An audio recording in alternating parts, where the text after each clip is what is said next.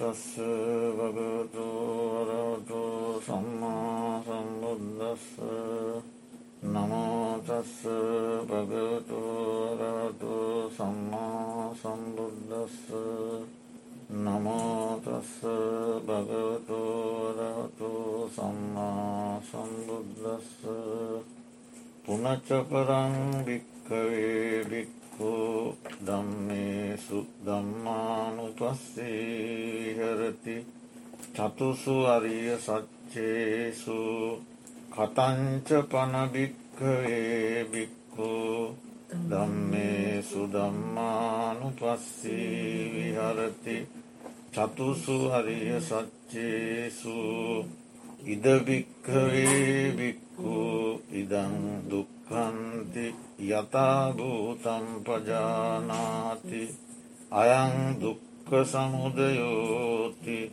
යථභූතං පජානාති අයං දුක්ක නිරෝධෝති යථභූතං පජානාති අයං දුක්ක නිරෝධගාමිනී පටිපදාති යථභූතං පජානාතීති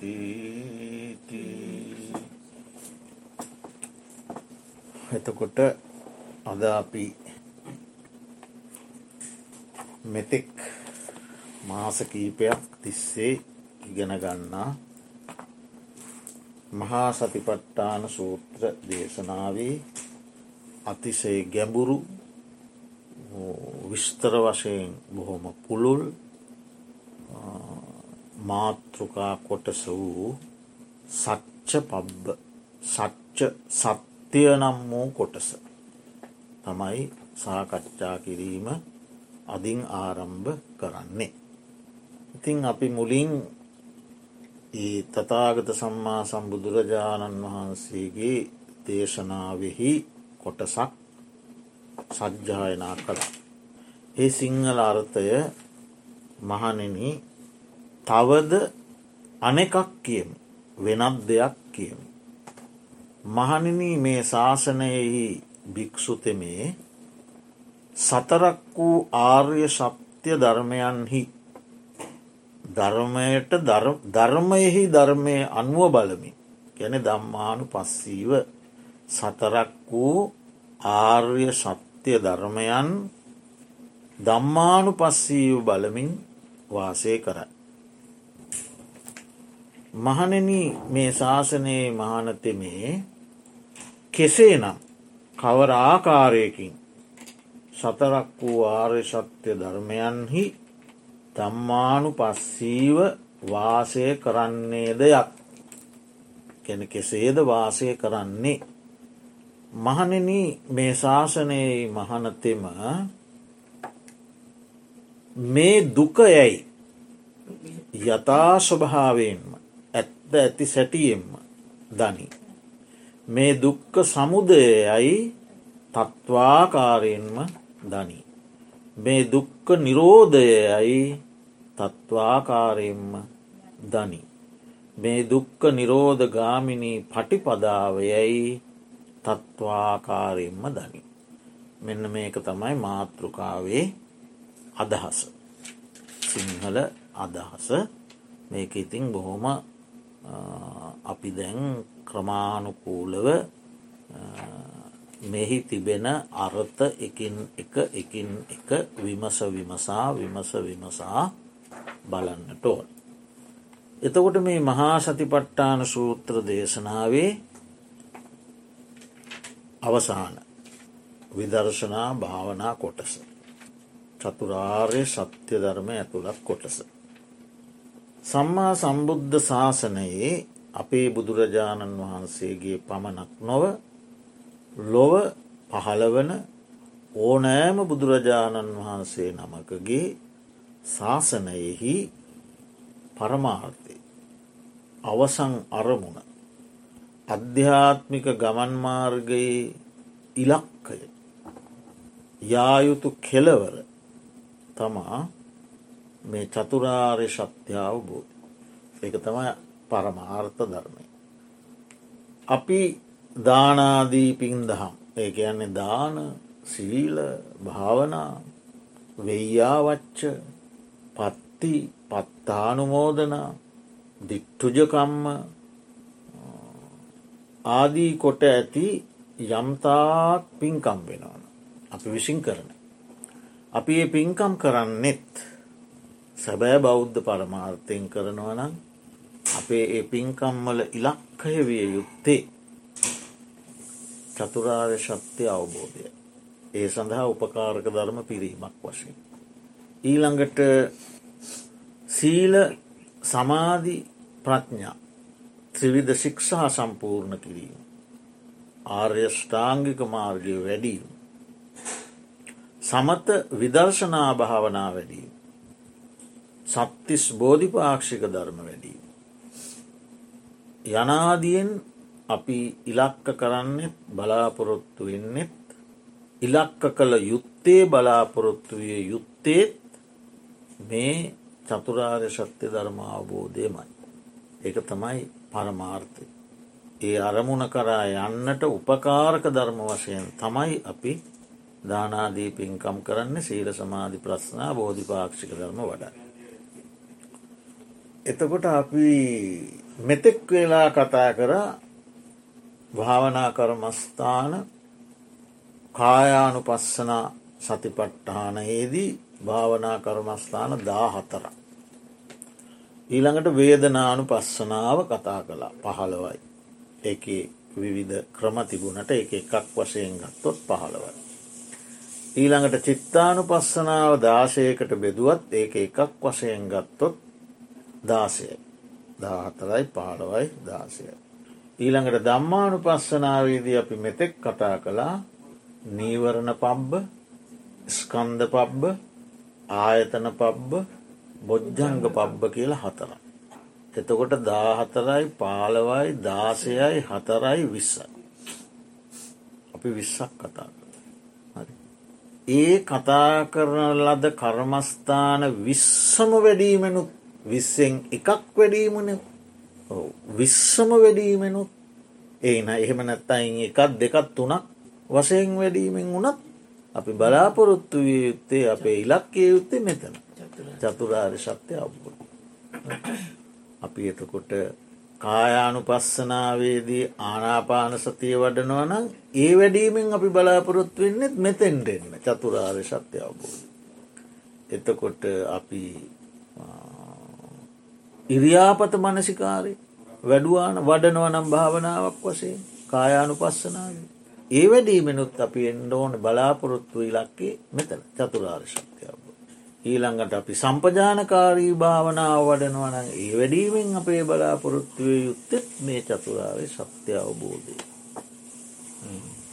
ඊළඟට දවත්තෙන් සාකාරය කෙස්ලොම් නියදත්තාද ඊළඟට ධාතු මනසිකාරය ඊළඟට නවසීවතිකේ නවය හෝ එකක් හෝ ඒ නවයෙන් එකක් හෝ ඒනුත් අපේ ඉලක්කේ යුත්තේ චතුරාරි සත්‍ය අවබෝධ.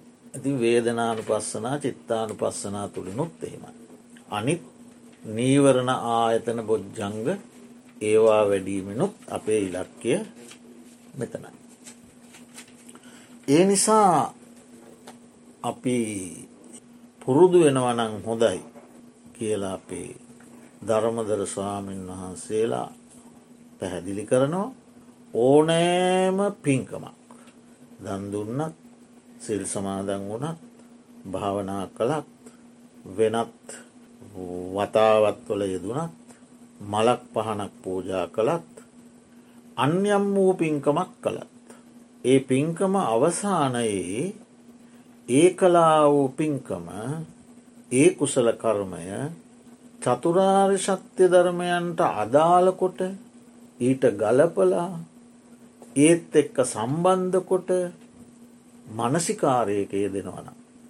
ඒක හරි ප්‍රයෝජනවත් කියලා. එක යන්නේ අපි ගත්තොත් අපි අපි කියමු අපි තෙරුවන් වන්දනා කළා. අපි විහාරස්ථානයට ඇවිල්ල පන්සිල් සමාදන් වෙලා තෙරුවන් වැන්ද. අපිට හුරුවක් ඇති කර ගත්තොත් පුරුදු කර ගත්තොත් මේ සිල් සමාදන්වීමේදීද තෙරුවන් වන්දනාවේදීද පහළ වනේ නාම රූප ධර්මණ එතන ක්‍රියාත්මක වුණේ සිල් සමාදංවීමට මේ දෑත එසවීමේ පටන් වන්දනාව අවසානය දක්වා නාමරූප ධර්ම. එතවට මේ සිල් සමාදංවීමේදීද තෙරුවන් වන්දනාවේදීද පහළ වූ නාමරූප ධර්මයෝ දැන් ඇතිවෙලා නැතිවෙලා ගිහිල. දැ වාඩු වෙනකොට තිබ නාමරූප ධර්මනමේ දැ වැදලවරුණකට තියෙන. දවට ඒ නාමරූප ධර්මය ෂණයක් පාසා ඇතිවෙලා නැතිවෙලා ගිය. එනිසේවා අනිත්‍යය. හරි තකොට ඇතිවීම් නැතිවීම් දෙකේ විඩාවක් තියෙන. ඇතිවීම නැතිවීම තුළ තියෙන විඩාවක්. එනිසා එක දුකයි. ඒ ඇතිවී නැතිවෙන යන ස්වභාවේ මට පාලනය කරන්න බැරි වුණානි දැන්ගේ. ඒ නාමරූපය ඇතිවී නැතිවී ගිය මට ඒ පාලනය කරන්න බෑක ස්වභාවය. එනිසා එක අනාත්මයි. මට මට අවශ්‍ය විදිහට එක පවත්වන්න බෑ. හරි ම වන්දනාවට වාඩි වුණා දැන් වැඳලාව සංවෙලා. එතකොට ඒ නැතිවී යන ස්වභාවේ ඒක වසගේ පවත්වන්න බෑ ඒ අනාත්ම. එතකොට මේ අනිත්‍ය දුක්ක අනාත්ම ලක්ෂණත්‍රයෙන් යුක්ත වූ දේක තියෙන්නේ දුක. ඒක තමයි දුක්ක සත්‍යය. හරි අනිත්‍ය වූ දුක්ක වූ අනාත්ම වූ නාමරූප ධර්මය දුක්ක සත්‍යය. හරි ඒ දුක්ක සත්‍යය උපදවන තෘෂ්ණාව සමුදය සත්‍යය. හරි එතකොට ඒ දුකයි සමුදයයි දෙකම නැති තැන ඒවාගේ නිරුද්ධවීම ඒ තෘෂ්ණාව සම්පූර්ණයම නිරුද්ධවීම නිරෝධ සත්‍යය. ඒ නිරෝධ සත්‍යය සඳහා වැඩිය යුතු මාර්ගය මාර්ගස. කියලා මේක මේ ඔය නාවනේ ස්වාමීන් වහන්සේ ඕක හැම පින්කමකදීම ලස්සනට කරන. හරීම ලස්සනට එක කරනවා. බුදුන් වැන්දත් කරනවා. බුද්ධ වන්දනා කරලා ධර්ම දේශනාවක් කරලත් කරනවා. මේ ධර්ම දේශනාවේදී පහළ වූ නාම රූප ධර්මයෝ සනයක් සනයක් පාසා ඇතිව නැතිවගිය බැවින් අනිත්‍යයෝය ඇතිවීම් නැතිවීම් දෙකින් නිරන්තරයෙන් පීඩා උපදවන ලද බැවින් දුක්කයෝය තම තමා කැමැති පරිදි නොපැවැති බැවින් අනාත්මයෝය. අනිත්‍ය වූ දුක්ක වූ අනාත්ම වූ නාමරූප ධර්මයෝ ඒ කාන්තයෙන්ම දුක්ක සත්‍යය නම්වේ. ඒ දුක්ක සත්‍යය උපදවන්නා වූ තෘෂ්ණාව සමුදයාර්ය සත්‍යය නම්වේ. ඒ දුකෙහිද සමුදයාර්ය සත්‍යයේද නොපවැත්ම නිරෝධ සත්‍යය නම් වේ නිවන. ඒ නිවන සඳහා වැඩිය යුතු උපාය මාර්ගය මාර්ග සත්‍යය නම් වේ. මටද මේ ධර්ම දේශනාමය පින්කමේදී මේ ධර්ම දේශනාමය කුසලයේදී මා ලබාගත් සියලූම කුසල ධර්මයන් එකී චතුරාර්ය සත්‍ය ධර්මයන් අවබෝධය පිණිසම හේතුවාසනාව. ඒක එහෙම ගල පණ්ඩ. දෝට ඒක හැම පින්කමකදීම ඒක මනසිකාරයක යෙදෙනවන ඇයි ඇයි හෙම යෙදෙන්ට කියන්නේ අපේ හැම පින්කමකම ඉලක්කයකන අපි අපි කියනවනේ ඉදම් මේ පුං්ඥකම්මං ආසවර්කයවා මේ පින්කම මාහට නිවන් පිණිසම වේවා. තුර නිවන් පිණිස වෙන්න වඩා ශක්තිමත් වෙන්නේ ඒක නිවනට ගැලපීම. ගලපා බැලීම.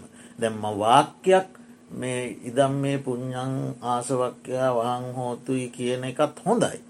ඊටත් වඩා හොඳයි මේක නිවනත් එක්ක මේක කොහොමද මේක දුකක් වුණේ කොහොමද මේක සමුදයක් වුණේ. කියල මේක ගලපලා ඒතට අවබෝධයක් එක්ක යන. අවබෝධයක් එක්ක යන උදේ අඩුමගානින් උදේ නමය අමාට සිල් සමාදන් වෙන්ඩ ඇවිල්ලා හවස පහට සිල් පවාරණය කරලා යන්න සූදානම් වෙන වෙලාවේවත්. අද උදේ ඉඳල ඒ ආපු වෙලාවිඳල මෙතන වාඩි වුණ වෙලාවිඳල නැත්තන් ගෙදරින් පිටත්තුම සිල් සමාදැන්වීමේ චේතනාවේ ඉඳල චේතනාවකින් එන්න සිල් ගන්න මුලින්ම චේතනාවක් නැහැට ගන්න ඒකත් නාම ධර්මයක්න ඒ නාම ධර්මය තමයි මෙහේ වන්න සිල් සමාදන් වෙන්ඩයන්ට. එතෝට මෙහේවීමේ පටක් මේ කරපු ක්‍රියාකාරකම් ආපු සිතුවිලී වැඳුම් පිදුම් කළේවා භාවනා කළේවා ධර්මස්ස වනේ මේ සේරම නාමරූපදර. මේ ඔක්කොම එකතු කරලා ඒවා අනිත්‍ය දුක්කනාත්ම තිලක්ෂණයට නංවල ඒව චතුරාර්ය සත්‍යයට නංවල ගෙදර යන. එතවට ඒක ශක්තිමා. ඒක ඉතින් දිගින් දිගට දිගින් දිගට එහෙම භාවනා කරනකොට මණ්ඩසට හොඳ ආහාරය. ඇති ඒකත් හොඳයි එහෙම කරනවා නම්. එතකොට දැන් මේ චතුරාර්ය සත්‍ය ධර්මයන් තුළ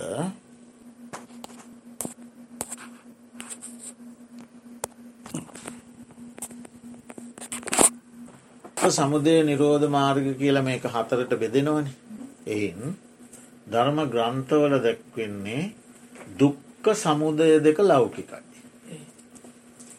දුක්ක සමුදය දෙක ලෞකිකයි. ලෞකික ලෝකෝත්තර බේදයක් තියෙනවන මේ ලෝක. ලෞකික ධර්ම සහ ලෝකෝත්තරද. හරි? තවට මාර්ග පල නිවන් ලෝකෝත්තරන.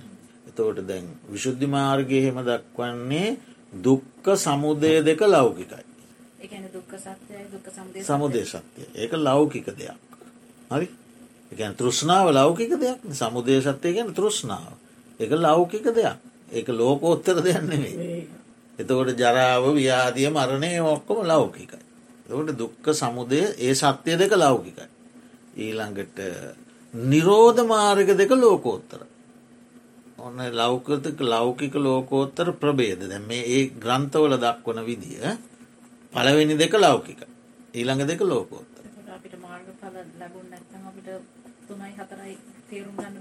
නෑ ඒක විදර්ශනාවට ගන්නෑ කියලා කියන්න. විදර්ශනාවට ගන්න ලෞකික ධර්මණ දැන් අපි ලෝකෝත්තර මට්ටමේ නෑන අපිට ලෝකෝත්තර සිතක් කරමුණු කරන්න බෑ. එනිසා මේ අපි එක මෙනෙහි කරන්න පුළුවන් එක විදර්ශනාවට ගන්නේ දුක්ක සත්‍යයයි සමුදය සත්‍යය. නිරෝධ සත්‍යය මාර්ග සත්‍යය විදර්ශනාවට අරමුණු කරන්න එක ලෝකෝත්තර නිසා. එහෙම තමයි ග්‍රන්ථවල සඳහන්වෙන්නේ. නමුත් මට හිතෙන දෙයක් මේක මගේ අදහසක් දැන් මාර්ග සත්‍යය තියෙනවාන. ඒක කිසිම කිසිීම පැකිලීමක් නෑ ඒ නිරෝධ සත්‍යය විදර්ශනාවට ගන්න බෑ. අපි නිවන් අවබෝධ කරල නෑ. එක ගන්න බෑ. නො මාර්ග සත්‍යය මට හිතෙන විදිය මාර්ග සත්‍යය ලෞකික ලෝකෝත්තර කියලා ප්‍රබේද දෙකට බෙදෙනවා. මාර්ග සත්‍ය විතර. හරි දුක්ක සමුදය නිරෝධ මාර්ග. මාර්ග සත්‍යය තියෙනවා ලෞකික ලෝකෝත්තර කියලා කොටස් දෙකක්. ඒක ඒ බෙදීම කරන්නේ මහා චත්තාරීසක සූත්‍රය. හරි බුදුරජාණන් මංජිමනිකායි මහා චත්තාරීසක සූත්‍රය. එහිදී බුදුරජාණන් වහන්සේ දේශනා කරන ඔය ලෞකික ලෝකෝත්තර කියන නම් දෙකක් නෙවේ තියෙන්නේ. එක තියෙනම් මෙහෙම. මහන්න මේ සම්මාධිට්්‍යය දෙපරිදිවේ. දෙආකාරයි. ආකාර දෙකයි. එක ආසවා පුං්ඥභාගිය උපදිවේ පක්කා. ඒ යන්නේ ඔන්න ඔන්න සම්මාධිට්ටි. ආසවා පුං්ඥභාගයා උපදිවේ පක්කා. ඒ යන්නේ පුං්ඥභාගයා පින කියන කොටසට අයිති. පින කියන කොටසට අයිති. ආසවා තව ආශ්‍රවයන්ගෙන් මිදිලත් නෑ අපේ හිත් ආශ්‍රව සහිතයි. හරි කාමාසෝ බවාසව දිට්ටියාසව අවිද්‍යාසෝද විස්තරෝචයන්ගයෝ කෙලෙස් කෙලෙස් සහිත හිතා. හැබැයි හිත පිනට නැබුරු. උපදි වේපක්කා. අපි ඉස්සර ඉගෙනගෙන තියෙන කාම උපදි දිට්ටි උපදි කන කාම උපදි කන්ද උපදි අභිසංස්කාර උපදි එම උපදි තියෙනවා උපදි කියලා කියන්නේ උපදී උපදී කියලා කියන්නේ උපාදාන කියන එක මත් නෙමෙයි උපදී. උපදී කියන්නේ උපදී ඕ නැවත ඉපදීමට හේතු. නැවත ඉපදීමට හේතු. අඹුදරු ආදියත් ඉපදී කියල් අඹුදරු වස්තු සම්පත් ආදියත් මේ උපදි. හරි? එතෝට ඒ උපදි හතරක් තියෙන එතෝට ඒ උපදි සහිතයි තාම. දැන් තාම උපදි සහිතයි පුුණ්‍යභාගී පින කියන කොටසට අයත් කෙලෙස් සහිතයි. අන්න එවැනි පුද්ගලයන් තුළ පහළ වෙන සම්මාධිට්ටිය. ලෞකිකයි. මොකක්දේ සම්මාධිට්ටිය දානයක් ඇත. යාගයක් ඇත. මහාදානයක් ඇත. මව ඇත. පියා ඇත. මෙලොවක් ඇත. පරලොවක් ඇත. පටිච්ච සමුපන්න ධර්මයක් ඇත. කර්මයක් ඇත. කර්මයට විපාකයක් ඇත. ඊළඟට සත්‍ය අවබෝධ කරගත්ත මහන බමුණු ඇත. ඒක තමයි සම්මා දිට්ටිය යාට හරි. ඒක යාට සම්මා දිට්ටි ඒ සූත්‍රයේ ලෞකික කියල නෑ. නමුත් ඒකට විග්‍රහ දෙන ස්වාමීන් වහන්සේලා එකට කැමති ලෞකික කියන වචනය කියන්න. හරි. එතවට ඊළඟට ලෝකෝත්තර සම්මාධිට්ටි. ඒක මොකක්ද අරියා අනාසවා ලෝකුත්තර මංගංග. ආර්ය වූ ආර්යන් වහන්සේලා තුළ පහලය. ඔව. අනාසවා. කෙලෙස් නෑ. ආශ්‍රවයන් ප්‍රහාණය කරල. ඒ ඒ මාර්ග පල්ලාබි උතුම යම්යම් ප්‍රමාණයකට ප්‍රහණය කරලා රහතන් වහන්සේ මුළුමනින් ප්‍රහණය කරන. හරි අනාසව. ලෝකුත්තර මංගංග ලෝකෝත්තර මාර්ගයට අයිති.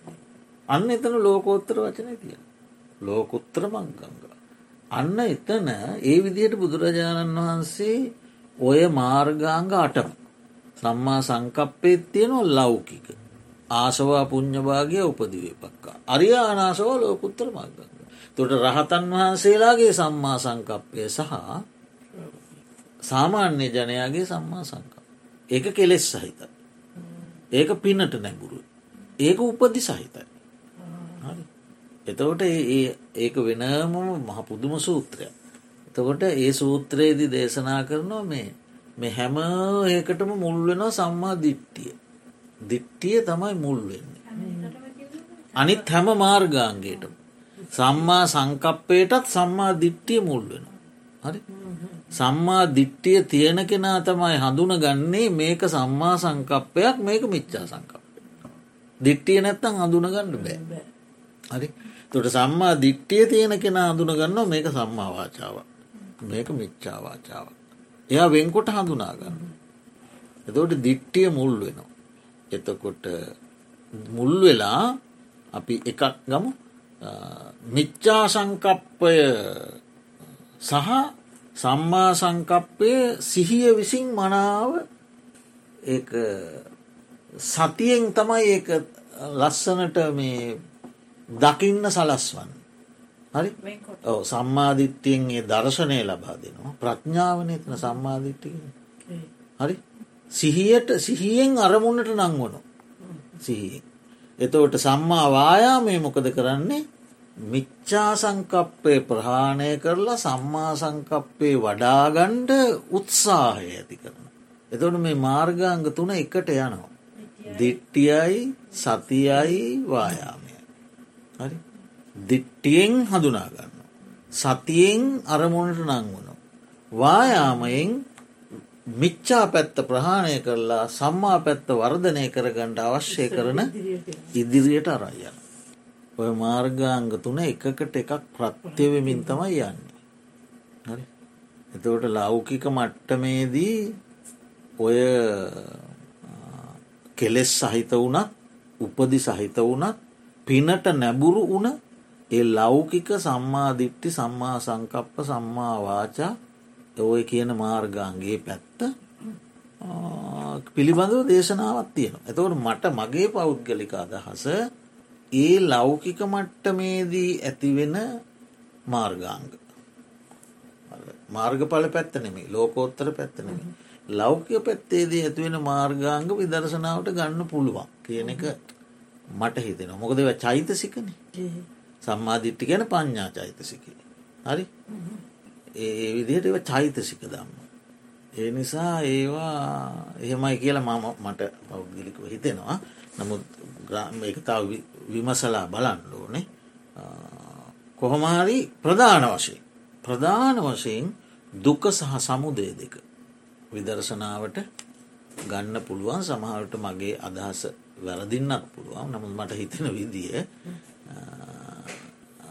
අර දෙක ගන්න පුළුවන් ස්තීරෝ දුක සමුදය.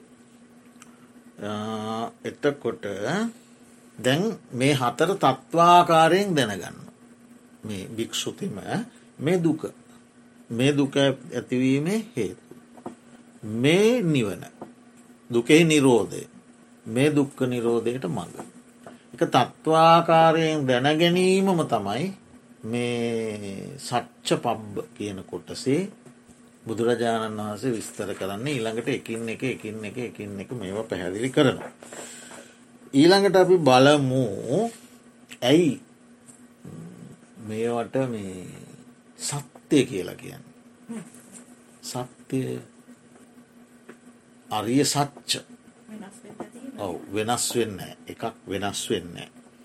අනිත් එක තමයි බුද්ධාදී උතුමන්ට කියනවනේ ආර්යන් වහන්සේලා කියලා. බුදු පසේ බුදු මහරහත් උතුමන්ඩ කියනවා ආර්යන් වහන්සේලා. ඒ බුද්ධාදී ආර්යන් වහන්සේලා අවබෝධ කළ නිසා. මේ සච්ච සත්‍යයට කියෙන ආර්ය සත්‍යය. බුද්ධාදී උතුමන් අවබෝධ කළ ආර්යන් වහන්සේලා අවබෝධ කළ නිසා ඒමත් කියනවා. ඊළඟට වෙනමම තතාගත සම්මා සම්බුදුරජාණන් වහන්සේ අවබෝධ කළ නිසාත් ආර්ය ශක්්ච කියන. බුදුරජාණන් වහන්සේට කියනවනේ තතාගත කිය. තත කියන්නෙත් සත්‍යයට. සත්‍යය කරා පැමිණි නිසා තතාගත කිය. එතකොට සත්‍යය කරා පැමිණි තතාගතයන් වහන්සේ අවබෝධ කළ නිසා ආර්ය සත්‍ය අරිය සච්ච කියල කියනවා. ඊළඟට තව විග්‍රහයක් තියෙනවා තත අවිතත අනං්‍යත එව සූත්‍ර දේශනාවල තියෙන කරුණු. තත අවිතත අනං්‍යත. ඔය ලක්ෂණත්‍රයෙන් යුක්තයි ඔය ලක්ෂණ තුනේ යුක්තයි. තත කියල කියන්නේ ඒ ස්වභාවේ ඉක්මවන්නේ නෑ. එක දුකම තමා ඒ ස්වභාවේ ඒ ස්වභාවේ ඒකැන ඒකාන්ත සත්‍යයක් කියන ඒ ස්වභාවේ ඉක්මවන්න නිත්‍ය ස්තීර සත්‍යයක්. ඒ නිසා තත අවිතත කියල කියනවා ඒ දැන් දුකයි කියලා කිව්වනං එක සැපක් වෙන්නේනේ. හරි දුක ඇතිවීමේ හේතුව කියලා කිව්වනං ඒක සැප ඇතිවීම හේතුවක් වෙන්නේ. දුක්ක නිරෝධය කිව්වනං දුක්ක නිරෝධය නොවී නොවන නිවන නොවන දෙයක් වෙන්න. ඇ නිසා ඒ වෙනස් දෙයක් වෙන්නේ නෑ. ඒක ස්තීරයි ඒ කියපු දේ එසේමයි. එනිසා අවි තත කියන. අනං්‍යත කියලා කියන එන්න අඥ්‍යත. අන්‍ය ස්වභාවයකට පත්වෙන්නේ. අන්‍ය ස්වභාවයකට පත්වෙන්නේ නෑ. එකන වෙනත් සත්‍යයකට පෙරලෙන්නේ නෑ. වෙනත් සත්‍යයකට පෙරලෙන්නේ නෑ. ඒ නිසා ඒ තතා විතත අනං්‍යත කියන ලක්ෂණ තුනේ යුක්ත වන්න නිසාත් මේකට කියනවා ආර්ය සත්‍යය කියල. ඊළඟට ඇයි මේකට මේ හතරක්ම දේශනා කළේ සත්‍යය හතරක් බුදුරජාණන් වහන්සේ දේශනා කරනවන මහණෙන මේ සත්‍යය හතර බැහැරකොට අන්සත්‍යය හතරක් පණවන්ඩ මේ ලෝකයේ දෙවියන් මරුම් බමුදු සහිත ලෝකයාට ලෝකයාට විෂය වන්නෑ කිය එහෙම විෂය වෙන්නෑ ලෝකේ කාට හතරක් මයි දේශනා කළේ. ඒකට එක හේතුවක් දක්වනවා විශුද්ධිමාර්ගයේ මේ සත්‍යය හතර හැරුණකොට වෙන පරමාර්ථ සත්‍යයක් නෑ මේ හතර පරමාර්ථ සත්‍යය පරමාර්ථ සත්‍යය. අනිත්කාරණය තමයි එක සත්‍යයක්වත් බැහැර කරන්න බෑ. ඔතන හතරක් ඕන්නෑ තුනක් තිබ්බම ඇති. හරි එහෙම බෑ කියන්න කාට. එක සත්‍යයක්වත් බැහැර කරන්න. හතරක් මදි කියලා තව සත්‍යයක් පණවන්නත් බෑ. ඒක එක හේතුවක්. ඊළඟට මේ සත්‍යය හතරෙන් කියනවා ප්‍රධාන කරුණු කීපයක්. එක තමයි සත්වයාගේ සංසාර පැවැත්ම මුලින්ම කියන පැවැත්ම ගැන. හරිද? ඊළඟට කියනවා පැවැත්මට හේතුව. ඊළඟට කියනවා එහි නැවැත්ම. ඊට පස්ස කියනවා නැවැත්මට උපාද ඉතින් මේ සත්වයාට අවශ්‍යද ඒකයි. පැවැත්ම සහ නැවැත්ම.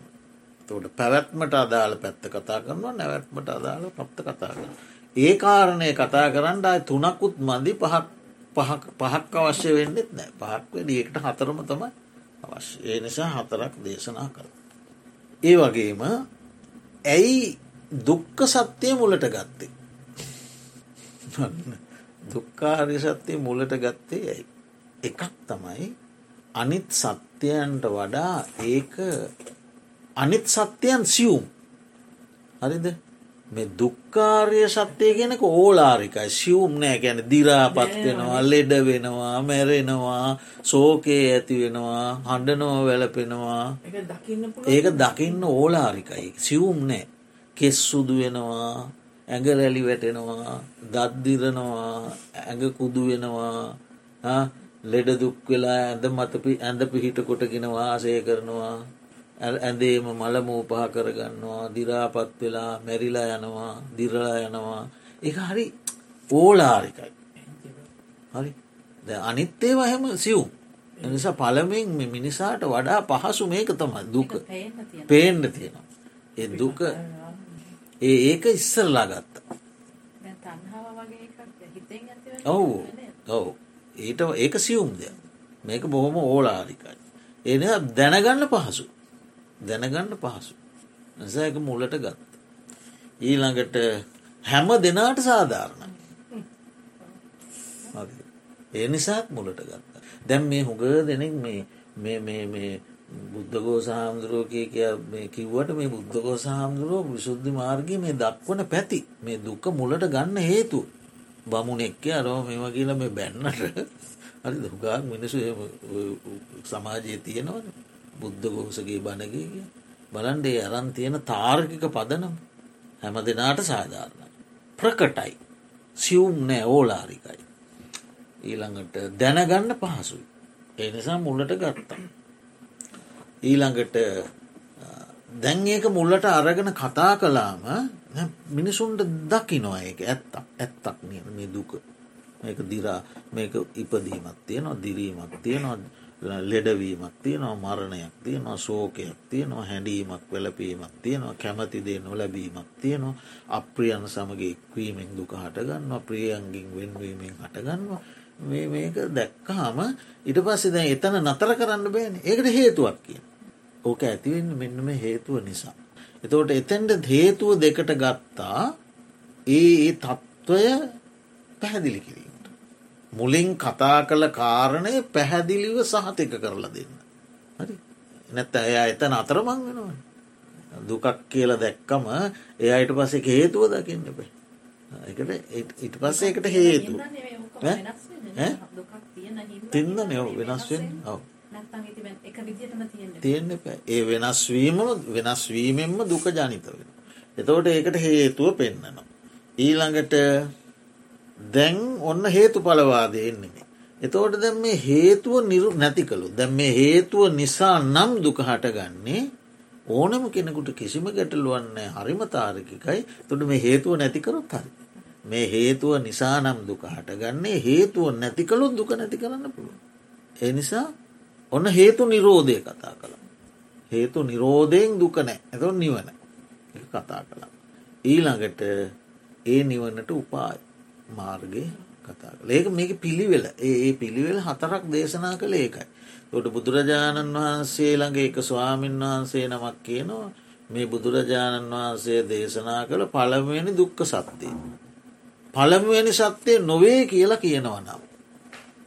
එය එසේ නොවේ ඒක පළමුුවනම තමයි පළවුණ සත්‍යය අපි ඒක දැන් ඉදිරියේදී සූත්‍ර ගැන කතා කරනවා ඒ නිසා ඒක මේක පිළිවෙලක්තිය ඔක තමයි පිළිවෙල. ඊළඟ කාරණය තව ගොඩාක් මේක තියෙනව විස්තර. මේ ලෝක සත්වා බවසුකයට ඇලිලයින්න. බවසුකහි ආස්වාදයට ඇලිලයින්න. සුකාස්වාදය.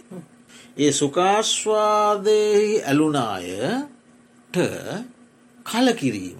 බවහේ පිළිබඳ කලකිරීම. ජනිත කරවීම තමයි මේ දුකෙන් කරන්න. දුක්ක දුක්ක අවබෝධයෙන් කරන්නේ ජාති ජරා ව්‍යාධි මරණ මේ අවබෝධයත් එක්ක අර බවසුකාස්වාදය කලකිරෙන. හරි.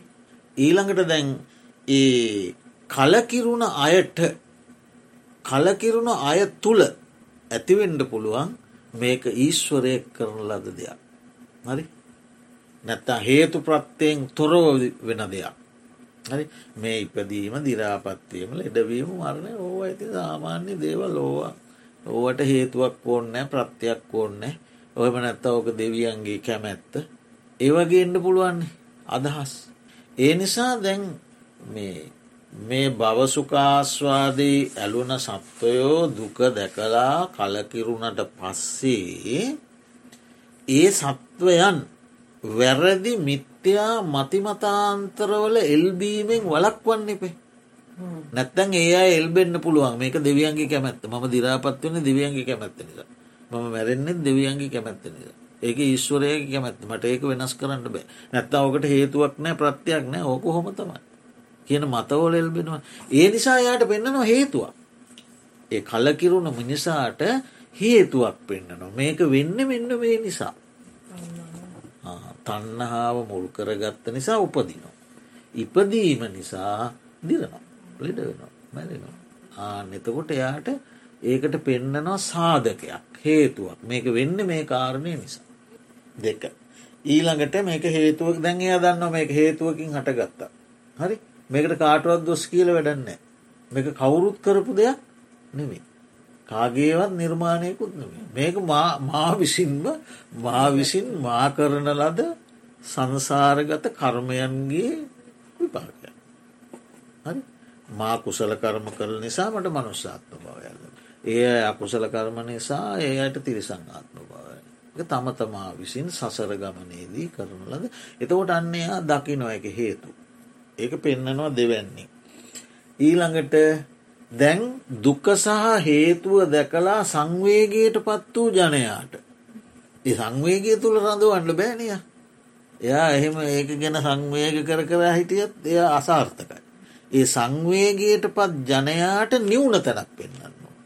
ඒ සංවේගෙන් මිදුන තැනක්. හරි දැන් ඔන්න ඔයා දුක දැක්කා. ඒක ඒක මේ කවුරුත් නිර්මාණය කරපු දෙයක් මේක හේතු පල දහමක්. ඔයා ඒකත් දැන් දැක්කා. දැන් ඔයාට තියෙනවා නිවුණ ශේම භූමියක්. ඔය ඕක සංවේග කර කර ඉන්ට ූමනෑ වෙන්න තියෙනවා නිවුණ තැනම් බිමක්. අන්න ඊට පසේ නිවුණ බිම පෙන්න්නනවා සංයේගූ කෙනාට ඒක නිසා තමයි තුන්වෙනියට නිවන ගත්තේ. හරි? දැන් එතකොට එයාට අනුමාන වශයෙන් පේනවා. දැන් එයා දුකක් තියෙන බව දකිනවා. ඒක අනුන් විසින් කරන ලද්දක් නොව හේතු පලවාදීව හටගත්ත දෙයක් බවත් දකිනවා. ඊට පස්සේ දැන් එය අනුමානයෙන් දකිනෝ මේක නිවනකුත් තියෙන මේක මිදීමක් තියෙනවා. හරි? ශේම භූමියක් තියෙන ඊට පස්සේ යායට පෙන්න්න නොය භූමියට යන මාර්ග මෙන්න මේ මාර්ගයෙන් ඔබ ගමන් කරන්න.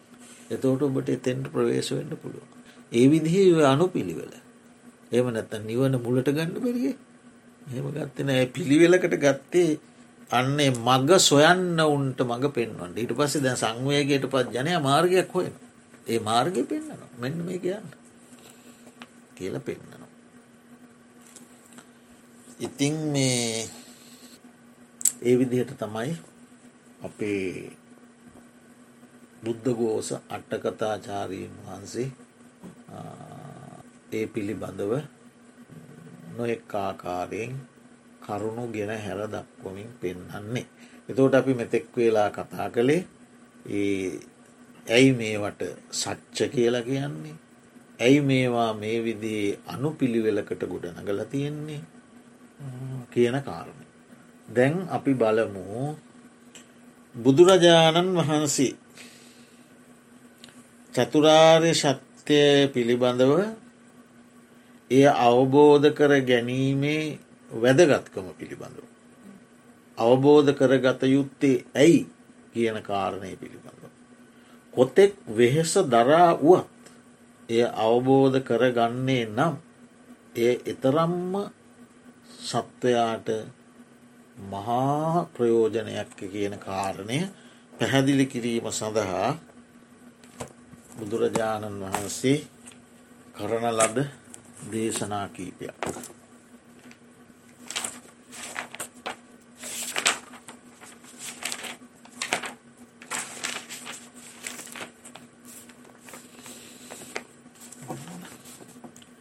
තැන් චතුරාර්ය සත්‍යය ගැනම විශේෂිත වූ ඒ කාරණා පිළිබඳවම වැඩි වශයෙන් කතා කළ කොටසට කියනවා සච්ච සංයුක්ත කියල. දැන් අපි බොජ්ජංගවල කිව්වි බොජ්ජංග සංයුක්ත. අපි සුකවේදනා දුක්වේදනා උපේක්ෂා වේදනා ගැන කතා කරන කාලේ අපි කතා කලා වේදනා සංයුත්තය. හරි ඊළඟට ස්කන්ද ගැන කතා කරන කාලය අපි කතා කර කන්ද සංයුක්ත. එවිදිට මෙන්න සච්ච සංයුක්ත. එකන තව සූත්‍ර වෙනත් ග්‍රන්ථවල නිකාය ග්‍රන්ථවල තියෙනවා. මෙතන වෙනමම සත්‍යය ගැන කතා කරපු විශේෂ කොටසක්. තවත් අනිත් සූත්‍රත් තියෙනවා. ඔන්න බුදුරජාණන් වහන්සේ දේශනා කරනවා මහනිනි සමාධිය වඩව. ඔන්න පළපිනීම වඩන්ඩ කිය නොමකන්ද සමාධී.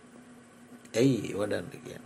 මහනෙන සමාධි සිත් ඇති මහනත මේ තතුසේ දනි.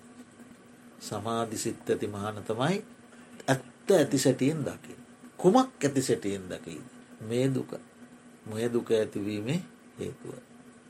මේ දුකේ නිරෝධයයි. මේ දුක්ක නිරෝධයට මඟ. කියනො චතුරාර්ය සත්‍ය ධර්මය දකිනවලු කුමක් වැඩීමෙන්ද සමාධිය වැඩීම. එනිසා සමාධී වඩන්නකි. ඊළඟට කියනව මහනෙන විවේකයෙහි යෙදීමට පැමිණෙව්.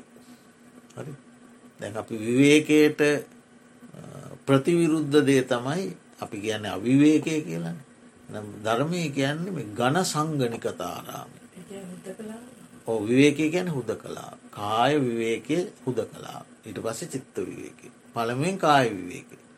එතකොට එතන ඊට ප්‍රතිවිරුද්ධක තමයි ගණ සංගනිකතාරාමි බොහෝ දෙනා එකට එකතු වෙලා ආශ්වාදනීය කතාබහා යෙදී සිටී ගණ සංගනිකතා ගණයා එකතුවීම හරි.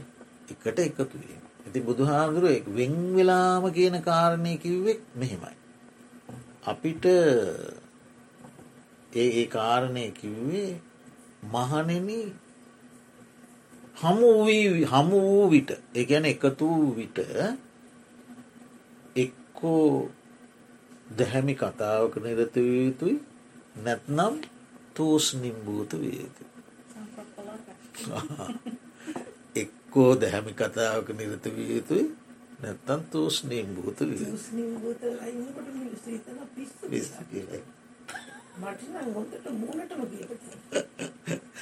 නෑ මේක මේ මේ මේක ඇවිල්ලා සාමාන්‍ය ජනජීවිතය කතන්තරයන් නෙමේ මේ මේවා මේ භික්ෂූ මේවා භික්‍ෂූන් වහන්සේලට දේශනා කළ සූත්‍රණ මේක සාමාන්‍ය නමුත් බම් මේ කියන්න මේ සූත්‍රයේ තියෙන කාරණය හරි?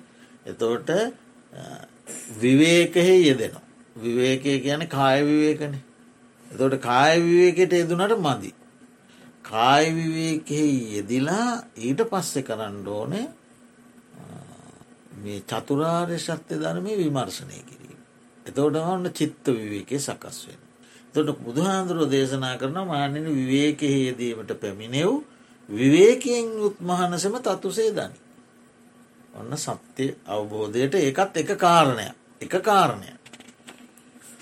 මම මේ මේ සූත්‍රයට අදාළවයි අර කරුණ කිව්වේ. ඒක සාමාන්‍යයෙන් ගිහි ජීවිතයක් ගත කරන ජනයා ඒ ගිහි ජීවිතය කටයුතුලින් ඇත් වෙලා මුළුමනින් ඇත් වෙලා හුද කලා වෙලා ඉන්ඩ බැහැ. ඒක ප්‍රායෝගික නෑ ඒක කරන්න බෑ. දැන් ඒක හැබැයි භාවනා මධ්‍යස්ථානයක් වගේ තැනක එක කරන්න පුළුවන්. හරි දැන් ගොයන්කා සෙන්ටර් එකට ගියාමත් ඒක කරන්නේ නැතිව. ගොයන්කා සෙන්ටර් එකට ගියාම ඒකට අවශ්‍ය විවේකයේ මුළුවනින්ම තියෙනවා. එතකොට එයා ඒ විවේකයේ ගණ්ඩෝන. හරි වෙන භාවනා මධ්‍යස්ථානයකට ගියාමුණත් එහෙම. භාවනාවටම වෙංගුණ තැන් තියෙනවා. ඒ වගේ කතාබහ කිරීම පුවත්පත් කියවීම ගුවන් විදුලි යන්ත්‍ර පරිහරණය කිරීම අල්ලාප සල්ලාපයේදීම මොකුත් නෑ. කතා කරනව නම් කතා කරන්න දැහැමි කතාව. නැත්තන් තූෂ්නිම් බූත. නිහැඩුවයි. ඒක තමයි මේ කියන්නේ. හරිද එ මේක මේ නිහට සිටි. ඒකෙත් තියෙනවා අනාර්ය තෝෂ්නිම් භූත සහ ආර්ය තෝෂ්නිම් භූත කියලා දෙක අනාර්ය තෝෂ්නීම් භූත භාවය ගැන දැන්ව ගවයෝ හෙමින්නේ ඒගොල්ලොත් කතා කරන්නේ ඉදලා හිටලා ඉතින් අරුම් බෑකිවට නිකහොේ නිහෙඩුව නින්නේ ඒ වගේ කාමාදී සංකල්පනාවන් හිතමින් හිඩුව ඉඳීමක් තියෙනවා. ඒකට කෙනවා අනාර්ය තූෂ්නිින්. කාම සංකල්පනා ව්‍යාපාද සංකල්පනා විහිංසා සංකල්පනා හිත හිතා නිහඩෝ ඉන්න. ඒක තූෂ්නීම් භූත නෙම ඒ අනාර්ය. හරි බුදුහාන්දුර දේශනා කළේ ආර්ය තූෂ්නීම. ධර්මය ගැන මෙනේ කරමින් ඉන්න තූෂ්න ඒකයි. ති ඒක මේ ඒක නෑ. නෑ නෑ. ඒක අනාර්ය. ඒක තෝෂ්නීම් භූත තමයි හැබ අනාර්ය. ආර්යන්ට අයිතියකන්න නෙමේ ඉතින් මේ අර සූත්‍රය ගෙන ගණ්ඩෝනය හින්ද මේව මේ කියල දෙන්නේ. මේ වටිනාකම. මෙ ප්‍රායෝගිකෝ ඇත්තොන්ට ක්‍රියාත්මක කරන්න බෑ. මේ නමුත් මේක භාවනා මධ්‍යස්ථානයකති පුළුවන් පුළුවන් සිල් සමාදන් වුණ දවසට පුළුවන් සිල් සමාදන් වුණ දවසට ඒ අධිෂ්ඨානය ඉඳගෙන අද දවසේ මම කට්ටීම කතා වෙන අද දවස අපි මේ විදියට ඉදින. හරි අවශ්‍ය දෙයක් පමණක් කතා කර. ඒලා එදා දවස ඒ විදියට ගත කරන්න පුළුව. හරි ඒක වෝල්මාට් එකට ගිහිල්ල බඩු ගන්නකොට ඒක කරන්න අමාරු ඉතිගේ ගෙදර දොරේ දූ දරුවන්ගේ වැඩ කටයුතු කරනකට මං කතා කරන්න එහෙම ඉඩුව ඒ හරියන්න ඊළඟට අපි බලමු ඔන්න මහනෙන ලාමක වූ අකුසල විතරකයන් විතර්කණය නොකරව. ලාමක වූ අකුසල විතර්කයන් විතර්කණය නොකරව. ඒ මොන විතර්කයන්ද කාම විතර්ක ව්‍යාපාද විතරක විහිංසා විතර. ඒ කවර හෙයින්ද මහනින්. මහනෙන මේ විතර්කයෝ වැඩ සහිත නොවෙත්. වැඩන්න වැඩ සහිත නොවෙත්. මග බඹසරට මුල් වූ ඕනුවෙත්. මාර්ග බ්‍රහ්මචරයා ජීවිතයට අර්යෂ්ඨාංක මාර්ගය නම් වූ ජීවිතයට ඒක මුල් නොයි. කලකිරීම පිණිස නොපවති. නොඇලීම පිණිස නොවෙත්. දුක්ක නිරෝධය පිණිස නොවෙත්. කෙලෙස් සංසිදීම පිණිස නොවෙත්. විශිෂ්ට ඥාන පිණිස නොපවති. චතුරාර්ය සත්‍යය පිණිස නොපවති. නිවන පිණිස නොපවති. එනිසා ඒව විතර්ක කරන්න එපාලු. මහනින්න තෙපි විතර්ක කරන්නාහු නම් මෙන්න මේවා විතර්ක කරව මොනවාද. මේ දුක්කයයි විතර්කය කර. මේ දුක්ක සමුදයයි විතර්ක කරව. මේ දුක්ක නිරෝධයයි විතර්ක කර. මේ දුක්ක නිරෝධ ගාමිණී පටිපදාවයයි විතක්ක කරව. එහෙමත් තියෙන. බුදුරජාණන් වහන්සිතින් හරි මේ ඔක්කොම ඉතින් බුදුරජාණන් වහන්සේ දේශනා කරලා තියෙන්නේ භික්‍ෂූන් වහන්සේලාට නමුත් ගිහි අයිති මෙ ඉගෙන ගන්න එක හොඳයි කිසිම වරදක් නෑ. ඊළඟට කියනවා මහනින් තෙපි මේ සස්න නොදනිව් ඔන්න කෙනෙක් එහෙම කියනවා. කොමද තොබ්බල මේ සස්න දන්නේ නෑ මේ ශාසනය මම දන්නවා. මොකද? උඹල දන්නවද? නුබලා වරදවා පිළිපදිනයි වරදවා පිළිපදිනයි. මම තමයි නිවැරදිව පිළිපදින කෙනා. නුඹ පළමුුව කිය යුත්ත පස්සෙ කිව්ව. පස්සෙ කිව යුත්ත පළමුුව කිව්ව. නුබ කියන වචනෝල කරුණු රහිතයි. කරුණු නෑ ධර්ම කරුණු නෑ. නුබ දිගූ කලක් තිස්සේ පුරුදු කරපු දේවල් විකෘති වෙලා ගිල්ල පෙරලිලා ගිල්ල. හරි නුබ පුරුදු කරපු දේවල් කෝ ඒව දැන් පෙරලිලා ගිහිල්ල. මනු මම නුබට දොස් නගනවා. පුළුවන්නම් මගේ දෝසයෙන් මිදීම සඳහා කටයුතු කරව. මම නුබට නිගා කරනවා. නින්දා කරන. පුළුවන්නන් මේ නින්දාවෙන් නිදහස් වව්. යනාදී විරුද්ධ කතා නොකිය උමහනින්. ඒවට ගෙන විග්ගහ විග්ගාහික කතා කියලා. විරුද්ධ කතා ඔබ දන්නෑ මම දන්නවා. බදිගු කලක් ඉගෙන ගත්ත දෙකෝ දැන් තියෙනවාද? හරිද? ඒවා පෙරලිය ගිහිල්ලා. උඹ ඉස්සල්ලා කියන්න ඕන එක පස්සෙ කිව පස්සේ කියන්න ඕන එක ඉස්සල්ලා කිව මම උඹට දොස් නගනවා. පුළුවන්නම් මගේ දෝසයෙන් මිදෙව්. මම ඔබට නිග්‍රහ කරනවා. පුළුවන්නම් මගේ නිග්‍රහයෙන් මිදෙව්. උඹ කියන දේවල්වල කිසිම කාරණයක් ගණ්ඩ නෑ හරි? මානන ඕහට කියන විග්ගාහික කතා. විරුද්ධ කතා. ඒවා කරන්න එපා. මන ඉති බුදු පුදුම අනුකම්පාවන්න ශ්‍රාවකයන්ට දක්වලද ඒව කරන්න එපා කිව. ඇයි මහනිනි ඒව වැඩ සහිත නොවේ. මග බඹසරට මුල් නොවේ. ඒවැන් කලකිරීම ඇතිවෙන්නේ. ඒවැන් නොඇලීම ඇතිවෙන්නේ. ඒව චතුරාර්ය සත්‍ය අවබෝධයට හේතුවක් නොවේ. ඒවා නිර්වාණය පිණිස හේතුවෙන්නේ. ඒ නිසා නුබලා කියනවනම් මෙන්න මෙහෙම දේවල් කියපල්ලා මොනවද මෙන්න දුක මෙන්න දුක ඇතිවීම හේතුව මෙන්න දුක්ක නිරෝධය මෙන්න දුක්ක නිරෝධ මාර්ගය ඒ කියන්න හර්සිනෝනටත් තියෙනවා අපිටත් එක්ක මහනෙන නංවදෑරුම් තිරිසං කතා නොකියව් එනම් මොනවාද රජුම් පිළිබඳ කතා.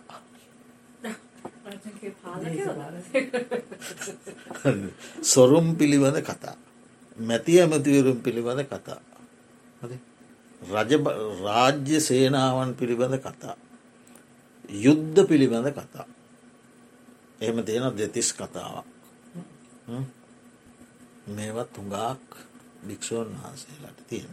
ඒ ඒ දෙතිස් කතා වැඩ සහිත නෑ බබසරට මුල් නෑ චතුරාර්ය සත්‍ය ඒව කතා කරට අවබෝධ වෙන්න. නිවම් පිණිස වෙන්නෙත් නෑ. ඒ නිසා කතා කරන්න කිව්වා මෙන්න දුක පිළිබඳ කතා.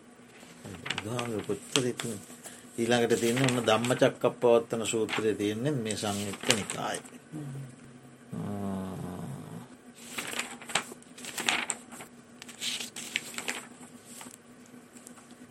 මෙන්න තියෙනවට තතා අවිතත අනං්‍යත.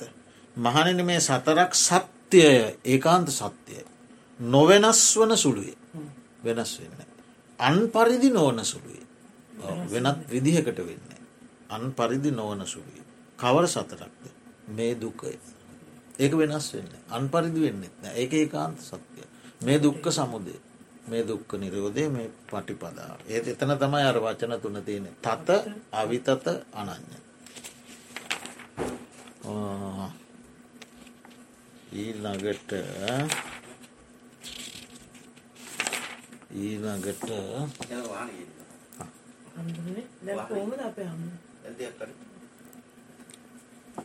දෙශී අනු මිත්ත අන්න. මහනෙන යම්කිසි කෙනෙකුන්ට අනුකම්පා කරන්නා වුනම් මිතුරු හෝ යහළු වූහෝ නෑවූහෝ සහලේ නෑවූහෝ යම් කෙනෙකුන් ඇහුන්කන් දිය යුතුයැයි හඟනාහ වූ නම් මම යම් කෙනෙකුට අනුකම්පා කරනවා නම් මගේ මිත්‍ර වෙන්න පුළුවන් යහළු වෙන්න පුළුවන් නෑවෙන්න පුළුවන් ළඟම ඥාතිීන් වෙන්න. ඒ අය මං කියන දේ ඇහුන්කන් දෙනවා කියලත් මට විශ්වාසයක් තියෙනවන මං කියන දේට එය ඇහුන්කන් දෙනවා. කියලත් මට තේරෙනවා නම් අන්න ඒ අය නොබලා විසින් මේ චතුරාර් ශත්‍ය අවබෝධ කරවීම පිණිසම සමාදන් කරවන්න කිව. ඒ අයට අනුකම්පා කරනවන. උඹලා ඒ අයට අනුකම්පා කරනවා නම්. උඹලා කියනද ඒ අය අහන බවත් හැගෙනවන. අහන් නැත්තම් බෑනි අහන් නැත්තං කියල වෙඩන්නේ අහන බවත් හැගෙනවන් නම් මේ චතුරාර් ශත්‍ය අවබෝධය පිණිසම සමාදන් කරවන්න කිව. හරි ඒ ඒ තුළම පිහිටවන්න කිව. කරලා දෙන්න කියලා ඒකෙම පිහිටවන්න අනුකම්පා කරනවා යම් කෙනෙකුට අනුකම්පා කරනවා. මේ මන් තෝර තෝරා කියන්නේ ඔන්න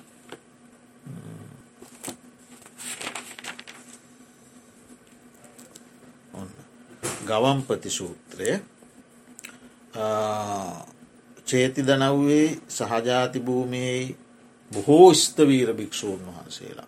බොහෝ ස්තවීර භාවයට පත් භික්‍ෂූන් වහන්සේලා අතර මෙන්න මේ විදි කතාවක් ඇතිව. මොකද කතාව? යමෙක් දුක දක්ව දන්නවනම් තත්ත්වාකාරයෙන්ම දන්නවනම් දුක දුක්කාරය සත්‍යය පළවෙනි සත්‍යය තත්ත්වාකාරයෙන්ම දන්නවනම් එයා සමුදයක් දන්න. නිරෝධයක් දන්න. නිරෝධ ගාමිණී පටිපදාවත් දකින. හරියටම චතුරාර්ය සත්‍යය පළවෙනි සත්‍යය දැක්කොත් හරි හරියටම දැක්කොත් තත්ත්වාකාරයෙන්ම අවබෝධ කළොත් එයා ඉතිරි සත්‍යය තුනත් දකිනවා. පළවෙනි සත්‍යය හරියටම දැක්කොත් ඔව දැක්කොත් එයා සෙසු ඒවත් දකින. සමුදයක් දකිනවා නිරෝධයක් දකිනවා නිරෝධගාමනි පටිපදාවත් දකිනවා. එතකොට ගවම්පති ස්වාමීන් වහන්සේ කියනවා ඇවැත්නි. මම භාග්‍යවතුන් වහන්සේගේ ඉදිරියේදී මෙහෙම ඇහුව. දැහර හාමුදුරුවරුහෙම කියනකොට එතන හිටපු ගවම්පති ස්වාමීන් වහන්ස කියනවා මම බුදුරජාණන් වහන්සේ ඉදිරියේදීම මෙහෙම ඇහුවා. බුදුරජාණන් වහන්සේගෙන් මං එක අහල පිළිගත්ත. මොකක්ද පිළිගත්තේ යමෙක් දුක දක්නවාන. දුක දකිනවා නම් එයා හේතුවත් දකින. හරි දුකෙන් මිදීමත් දකින. මිදීමේ මගත් දකි. එකක් දැක්කම එකන දුක දැක්කහම එය අනිත්තුනත් දකින. ඒ වගේම යමෙක් දෙවැනි සත්‍යය දකින. එකන් දෙවැනි සත්‍යය සමුදේ. ගවම්පති සාරණන්ස කියනම බුදුරජාණන් වහන්සගේ අහල පිළිගත්තම එක. එතෝට යමෙක් පලවෙනි සත්‍යය දකිනවනම් එය අනිත්තුනත් දකින. යමෙක් දෙවනි සත්‍යය දකිනවනම් එය අනිත්තුනත් දකින. දෙවනි සත්‍යය දකිනවන ය පලවෙනි එකක් දකින. තුන්ගෙන එකක් දකිනවා හතරවෙනි සත්‍යයක් දකි. හතරෙන් එකක් ඕනෑම එකක් අවබෝධ කළොත් තත්වාකාරය අත් හරියටම සත්‍යයාකාරය සත්‍යය වශයෙන්. ඉතිරි තුන එයා දකි. එකන එක සත්‍යය එක අවබෝධය තුළින් අනිශ්සත්‍යය දකිනවා කියන. ඒක ඔන්න සුවිශේෂී තැන. දුක ආර්ය සත්‍යය දාලා තිබට පලවෙනි හැටියට.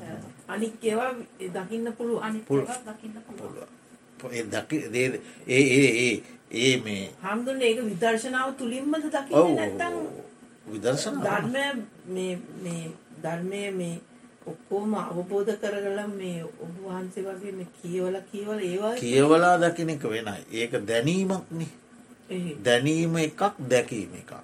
ජානාති අහම්භික්කවේ පස්සතු. ජානාති ගැන දැනීම. පස්සතෝ ගැන දැකීම. හරි? ඒක සමහරයින්නවා දැනීම ගොඩ ආයි දැකලනෑ බුදුහාමුදුරන් කාලෙත් එම සමහරයින්න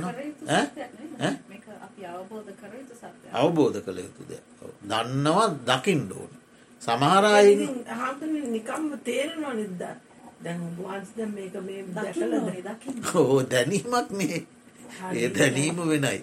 විදර්ශන එහෙම තේරෙනවා. එවුනාට මේ විදර්ශනාඥාන මගින් ඒක දකිින් ඕන ජානතෝ අහම් භික්කවේ පස්සතෝ හරියට අපි හිතන්න අපිට මේ වතුර ගැන දැකල අහලා තියෙනවා. නමුත් අපි දන්නේ නෑ කොහොමද රස කියලා ඒක අපි දැනගෙන to experience දකින්න සමහරු ඉතින් ධර්මශ්‍රවණයෙන්මත් දැක්කා. චතුරාරි කොච්චර අවබෝධ කළාද?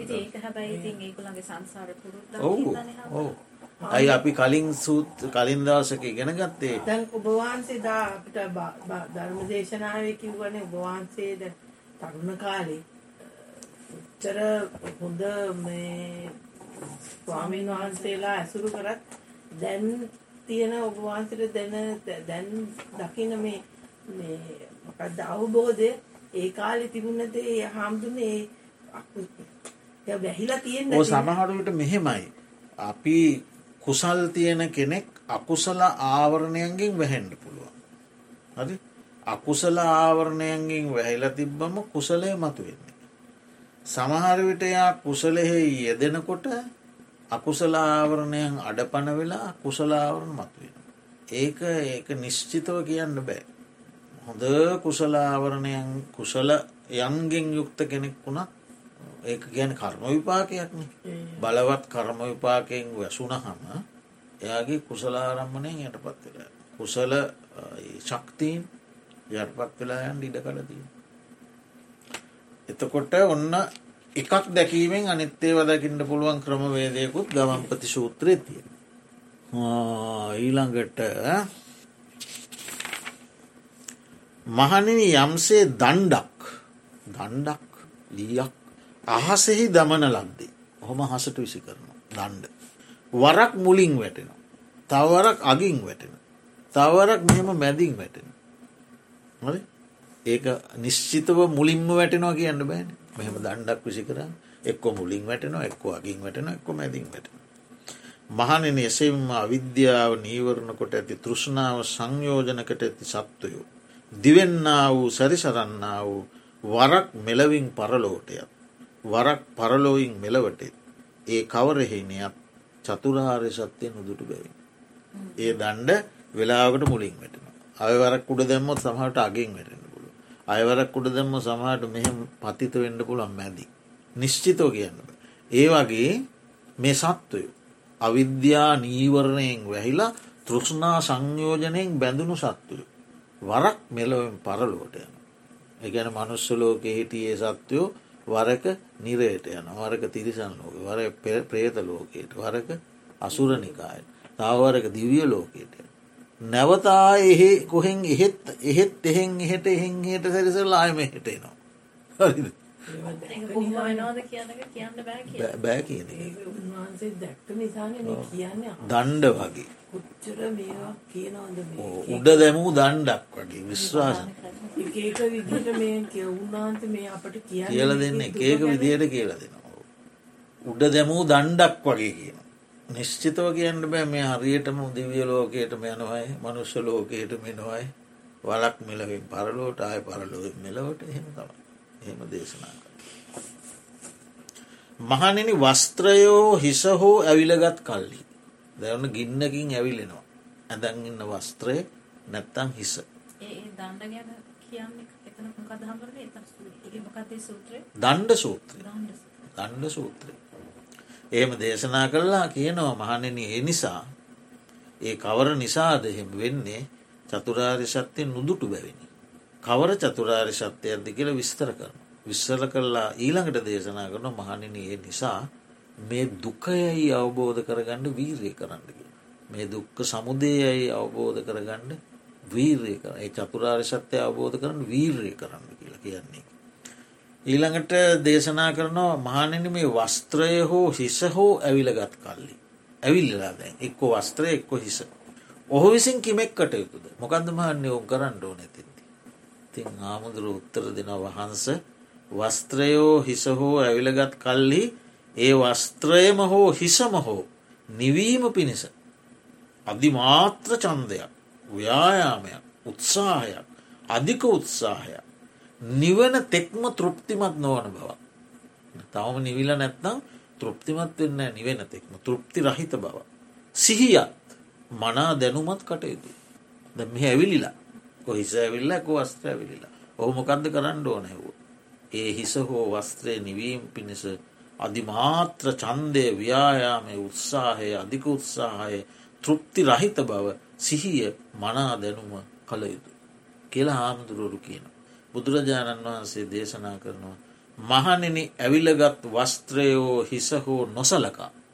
නොමෙනෙහි කොට අවබෝධ නොකළ චතුරාර්ය සත්‍යය තතුසේ අවබෝධ කරනු පිණිස. අධිමාත්‍ර චන්දයත් ව්‍යායාමයක් උත්සාහයක් අධික උත්සාහයක් තෘප්තිරහිත බවත් සිහියක් මනා දැනුමත් කටයුතු. මොකද කියන්න. මහන්නේ එතැන්දී වුණත් එතැන්දී වුණත් මේ ඇවිලගත්ත හිස ඔහෙ ඇවිලුනත් මේ වස්ත්‍රය ඇවිලුනත් ඒක ගැනවත් ඒක ගැන මෙනෙහි නොකොට හරි ඒක ගැන නොසලකා මෙනෙහි කිරීමකුත් නොකර පුළුවන්න ඒ අවස්ථාවය හෝ ඒ අවස්ථාව හෝ මේ චතුරාරි සත්‍යය අවබෝධ කරන්න අධිකෝත්සාහයක් ව්‍යායාමයක් චන්දයක් තෘප්ති රහිත බවක් සිහියක් මනා දැනුමක් ඇති කරගන්න සුදුසුයි කිය.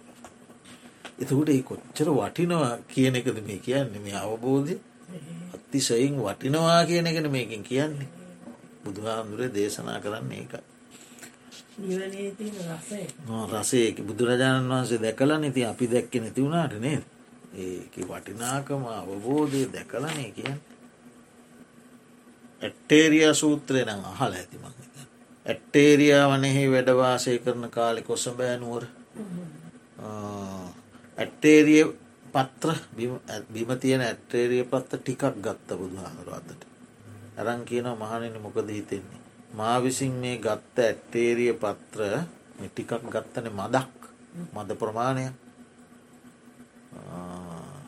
දැම්මම් මේ ගත්ත ඇට්ටේරයා පත්‍ර ටිකයි. ඇට්ටේරයා ගස්වල තියෙන පත්‍ර තියෙනවන. මේ වගින් කෝකද වැඩි හෙව්ව? දැන් මේ ඇට්ටේරිය වනේ ගස්වල තියෙන පත්‍ර. මම දැ මේ බිබවෙටල තියෙන ටික කරන්තිය මොන පත්‍රද වැඩි හනවා එතකොට හාමුදුරුවරු කියන ස්වාමීණී අතින් ගන්නාලද ඇට්ටේරිය පත් ඉතා මදය. ආනියපොත්තේ ආනේදී සූත්‍රයෝ. ඒකින් තමයි ඒකෙනුත් ඉතා කියන්නේ එතෙන්දි කියන්නේ බුදුරජාණන් වහන්සේ මා විසින් යමක් විශිෂ්ටත් ඥානයෙන් අවබෝධ කරගෙන කියන්නේ නැතුව හිටියන අවබෝධය තියෙනවා කියන්නේ නැත් නැතුව හිටිය. ඒ කියන්න ඇතිේවමයි ගොඩත්තිය. මහනෙන එසයින්ම දැම් ආමුදුරුව කියන මේ අතේ තියෙන ටිකයි ගස්වල තියෙන පත් වැඩි. මානෙන අන්න ඒ වගේ. මම විශිෂ්ටඥානයෙන් අවබෝධ කරලා නොකියන ලද ඒව ගොඩත් තියෙන. කියලා නැති ඒවා. හරිද නොකියන ලදේව බොහෝ තියෙනවා. කියන ලද්දි බොහොම. දැනටත් ඔවු දැන තමයි කියන ලද්දි මම දැනගත්ත විශිෂ්ටඥානයෙන් දැනගත්ත සියල්ලම කියල නැක් නොකියපියෝ බොහෝ තියෙනවා කියන ලද්දි බොහොම ටිකයි කිව. මහන්නේ කුමක් නිසාද මං ඒවා නොකියන ලද්දේ. ඒවා මේ බඹ බ්‍රහ්මචාරී ජීවිතයට ප්‍රයෝජනයන්න. ඒවට මුල් වෙන්නේ කලකිරීම පිණිස පවතින්නේ. හරි නොයලීම පිණිස පවතින්නේ. සසරින් නිරුද්ධවීම පිණිස පවතින්නේ. සංසිඳීම පිණිස පවතින්නේ. විශිෂ්ටත් ඥානාවබෝධය පිණිස පවතින්නේ. චතුරාර්ය සත්‍ය අවබෝධය පිණිස පවතින්නේ. නිර්වාණය පිණිස පවතින්නේ. ඒ නිසා මංගේ වකිවෙන. බුදුරජාණන් වහස නොකියපුදේ කොච්චර තියෙනවදට. අර ඇට්ටේරිය ගස්වල තියෙන කොළ වගේ නොකියපු දේවල්. මහන්නි මං විසින් කියන ලද ටික මොකක්ද. මෙන්න දුක මෙන්න දුක්ක සමුදය ඒ ටික තම.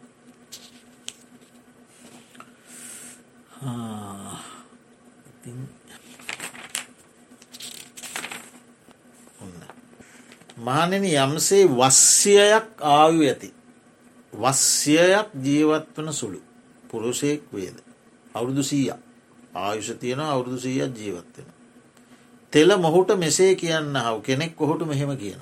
එම්බා පුරුෂය එව මෙහෙට එන්ඩ කියන. උඹට මං පෙරවරු සැත් සීයකින් අනිනො පෙරවරු කාලි. මද්දහනෙත් සැත් සීයකින් අනිනො. හැන්දෑ කාලෙත් සැත්සීයකින් අනිනො. එම්බා පුරුෂය ඒ තෝ දවස් පතා තුන් තුන් සැත්සියෙන් පෙරනු ලබන්නේ වස්්‍යයක් ආයු ඇත්තේ වස්්‍යයක් ජීවත්වන සුළුවේ වස්්‍යය ඇවෑමෙන් අවබෝධ නොකළ චතුරාරි සත්‍ය අවබෝධ කරන්නේ.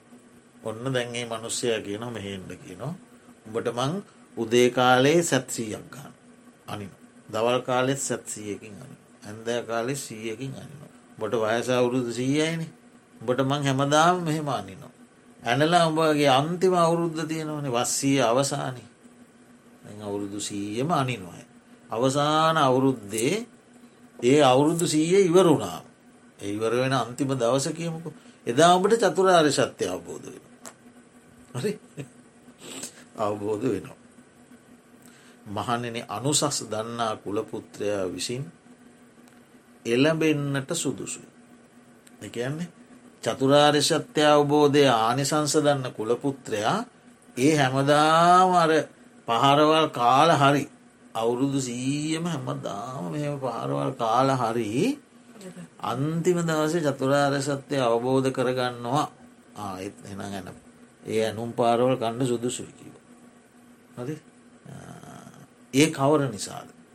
මහනිනි මේ සසර නොදත් අගක් සහ මුලක් ඇත්තේ. හරි සැත්පහර කඩුපහර පිළිබඳ පෙර පසු කෙලවරක් නොපෙනේ. මානෙන මේ මෙසේත් වන්නේ. ඒත් මහනිනි මම දුක් සහිතව දොම්නස් සහිතව චතුරාරය සත්‍ය අවබෝධයක් කරන්න කියල කියන්නේ.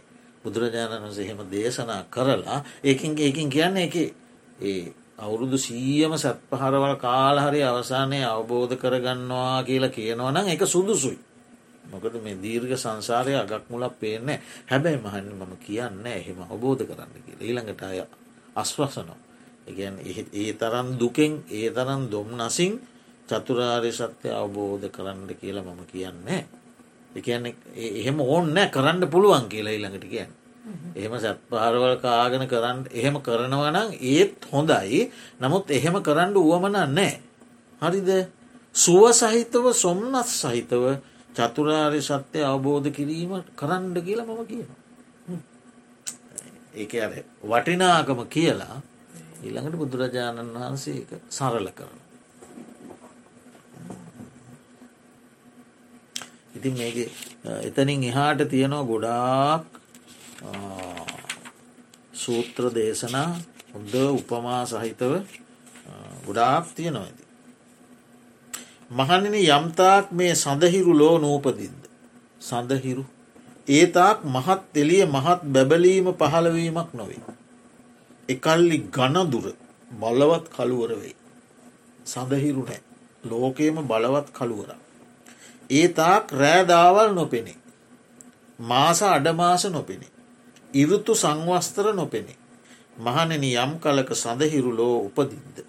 එකල්ලි මහත් එලිය මහත් බැබලීම පහළවේ. එකල්ලි ගනාදුර නොවේ කළුවර නොවේ. රෑදාවල් පෙනේ. මාස පෙනේ අඩමාස පෙනේ ඉරුතු සංවස්තර පෙනේ. මහනෙන එමෙන්ම අරහත් සම්මයක් සම්බන්ධ සම්බුද්ධ වූ තතාගතයෝ යම්තාක් ලොව නූපදිද්ද ඒතාක් මහත් එලිය මහත් බැබලීම පහළවීමක් නොවේ. තතාගත සම්මා සම්බුදුරජාණන් වහන්සේ නූපදිනතාක් ලෝකයට එලියක් නෑ බැබලීමක් නෑ. එකල්ලි මේ ලෝකයේ තියෙන්නේ ගණ අඳුරක් බලවත් කළුවර. මොකක්දේ අඳුර අවිද්‍යාදු. ඒ තාක් චතුරාර්ය සත්‍යය ප්‍රකාශ කිරීමක් දේශනා කිරීමක් පැනවීමක් පිහිටවීමක් විවර කිරීමක් බෙදීමක් උඩුකුරු කිරීමක් නොවේ. සම්මා සම්බුදුරජාණන් වහන්සේ පහළ වෙනතෙක්. මහන්නේ අරියත් සම්මා සම්බුද්ධ තතාගතය යම් කලක ලෝ උපදිද්ද එකල මහත් එලිය මහත් බැබලීම පහළවීම වේ. එකල ගණදුර නොමවේ නොවේ බලවත් කළුවර නොවේ. එකල චතුරාර්ය සත්‍යය ප්‍රකාශ කිරීම දේශනා කිරීම පැනවීම පිහිටුවීම විවර කිරීම බෙදීම උඩුකුරු කිරීම වේ. කවර චතුරාර්ය සත්‍යයක්ද කියල එළඟට විස්තර කරනවා. තව අපි එකක් දෙකක් විතර සූත්‍ර කතා කරමු ඊට වඩා ගොඩක් කතා කරන්න කාලයක් මදිනේ. ගාක් මේ සච්ච සච්ච සංයුක්තය තමයි තියෙන්නේ චතුරාර්ය සත්‍යය. එක් කලක භාග්‍යවතුන් වහන්සේ රජගානුවර සමීපයේ ගිජ්ජකූට පර්වතයේ වැඩකවසන සේක ගිජ්ජුකුළු පවූ. එකල භාග්‍යවතුන් වහන්සේ භික්‍ෂූන් නැමතූ සේක. මහනිනි යමු. දිවා විහරණය පිණිස පටිභාන කූටිය වෙත එලබෙන්නේ. එසේ වහන්සැයි භික්‍ෂූන් වහන්සේ භාග්‍යවතුන් වහන්සේට ප්‍රතිවචන දුන්න. ඉක්බිති භාග්‍යවතුන් වහන්සේ බොහෝ භික්‍ෂූන් සමඟ පටිභාන කූටය වෙත එළඹිසේක. එක්තරා මහනෙක් ඒ පටිභාන කූටෙහි මහත් ප්‍රපාතයක් දිටි. ප්‍රපාතයක්. දැක භාග්‍යවතුන් වහන්සේට මේ සැල කළේ වහන්ස මේ ප්‍රපාතය ඒ කාන්තෙන් මහත්. ඉතා මහත්. වහන්ස මේ ප්‍රපාතයට වඩා ඉතා මහත් වූ ඉතා බිහිසුනූ අනෙකුත් ප්‍රපාතයක් තියෙනවද? කියලව් මේ ප්‍රපාතයටත් වඩා මහත් ප්‍රපාතයක් තියෙනවද?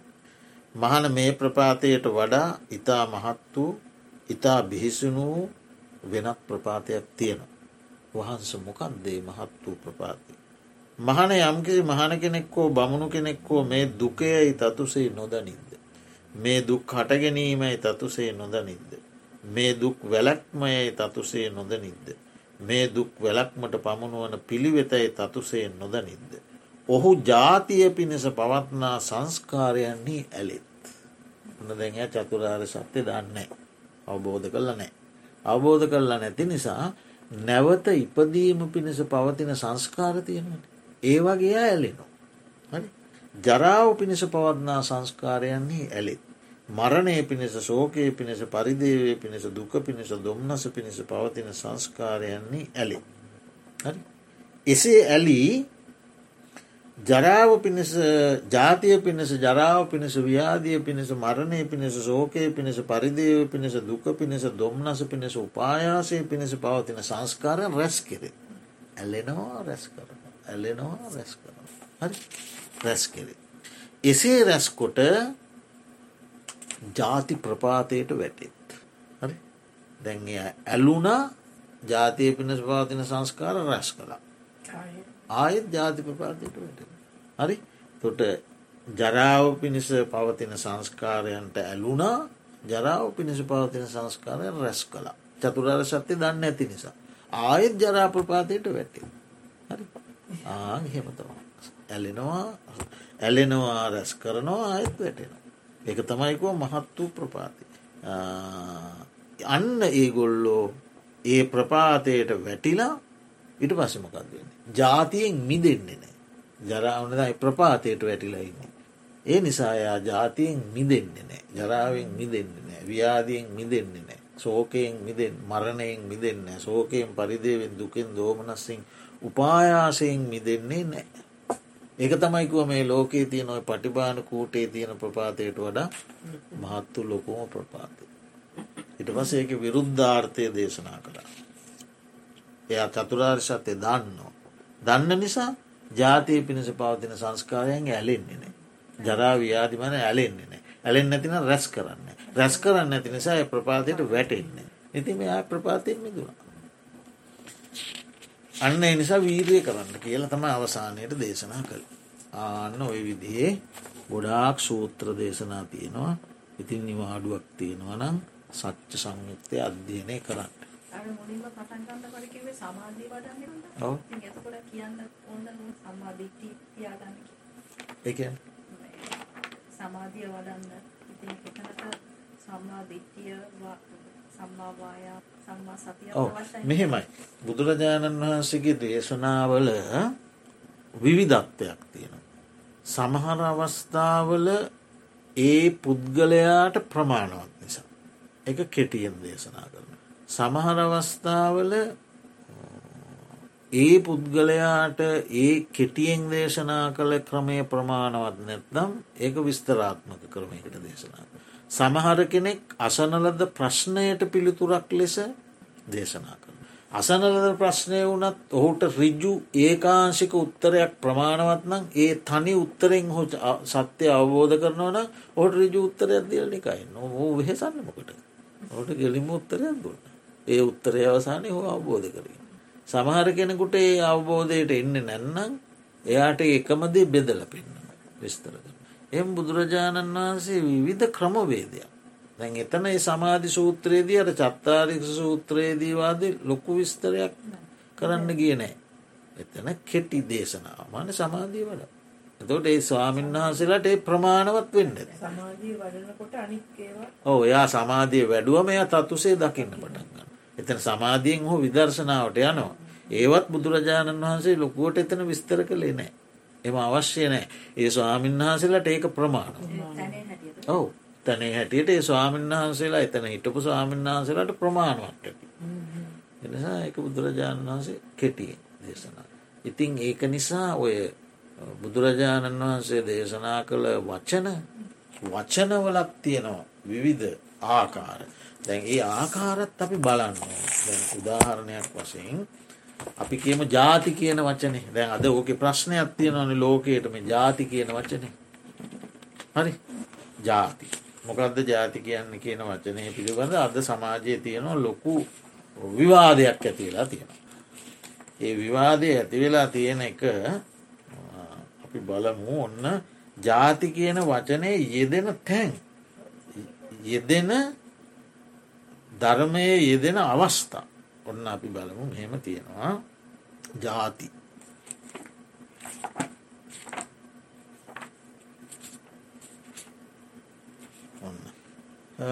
සංයුක්ත නිකායේ සත්‍ය සංයුක්තයේ ඒකම්පි ජාතින් දවේපි ජාතියෝ. එක ජාතියක්ද ජාති දෙකක්ද. ඒකම්පි ජාතින් දවේ ජාතියෝ. හරි? යන තැන එක සිංහලාර්ථ එක ජාතියක්ද ජාති දෙකක්ද. මෙතනදී දේශනා කරන්න ජාතිය කියල බවය එක ජාතිය. ජාති දෙකක්.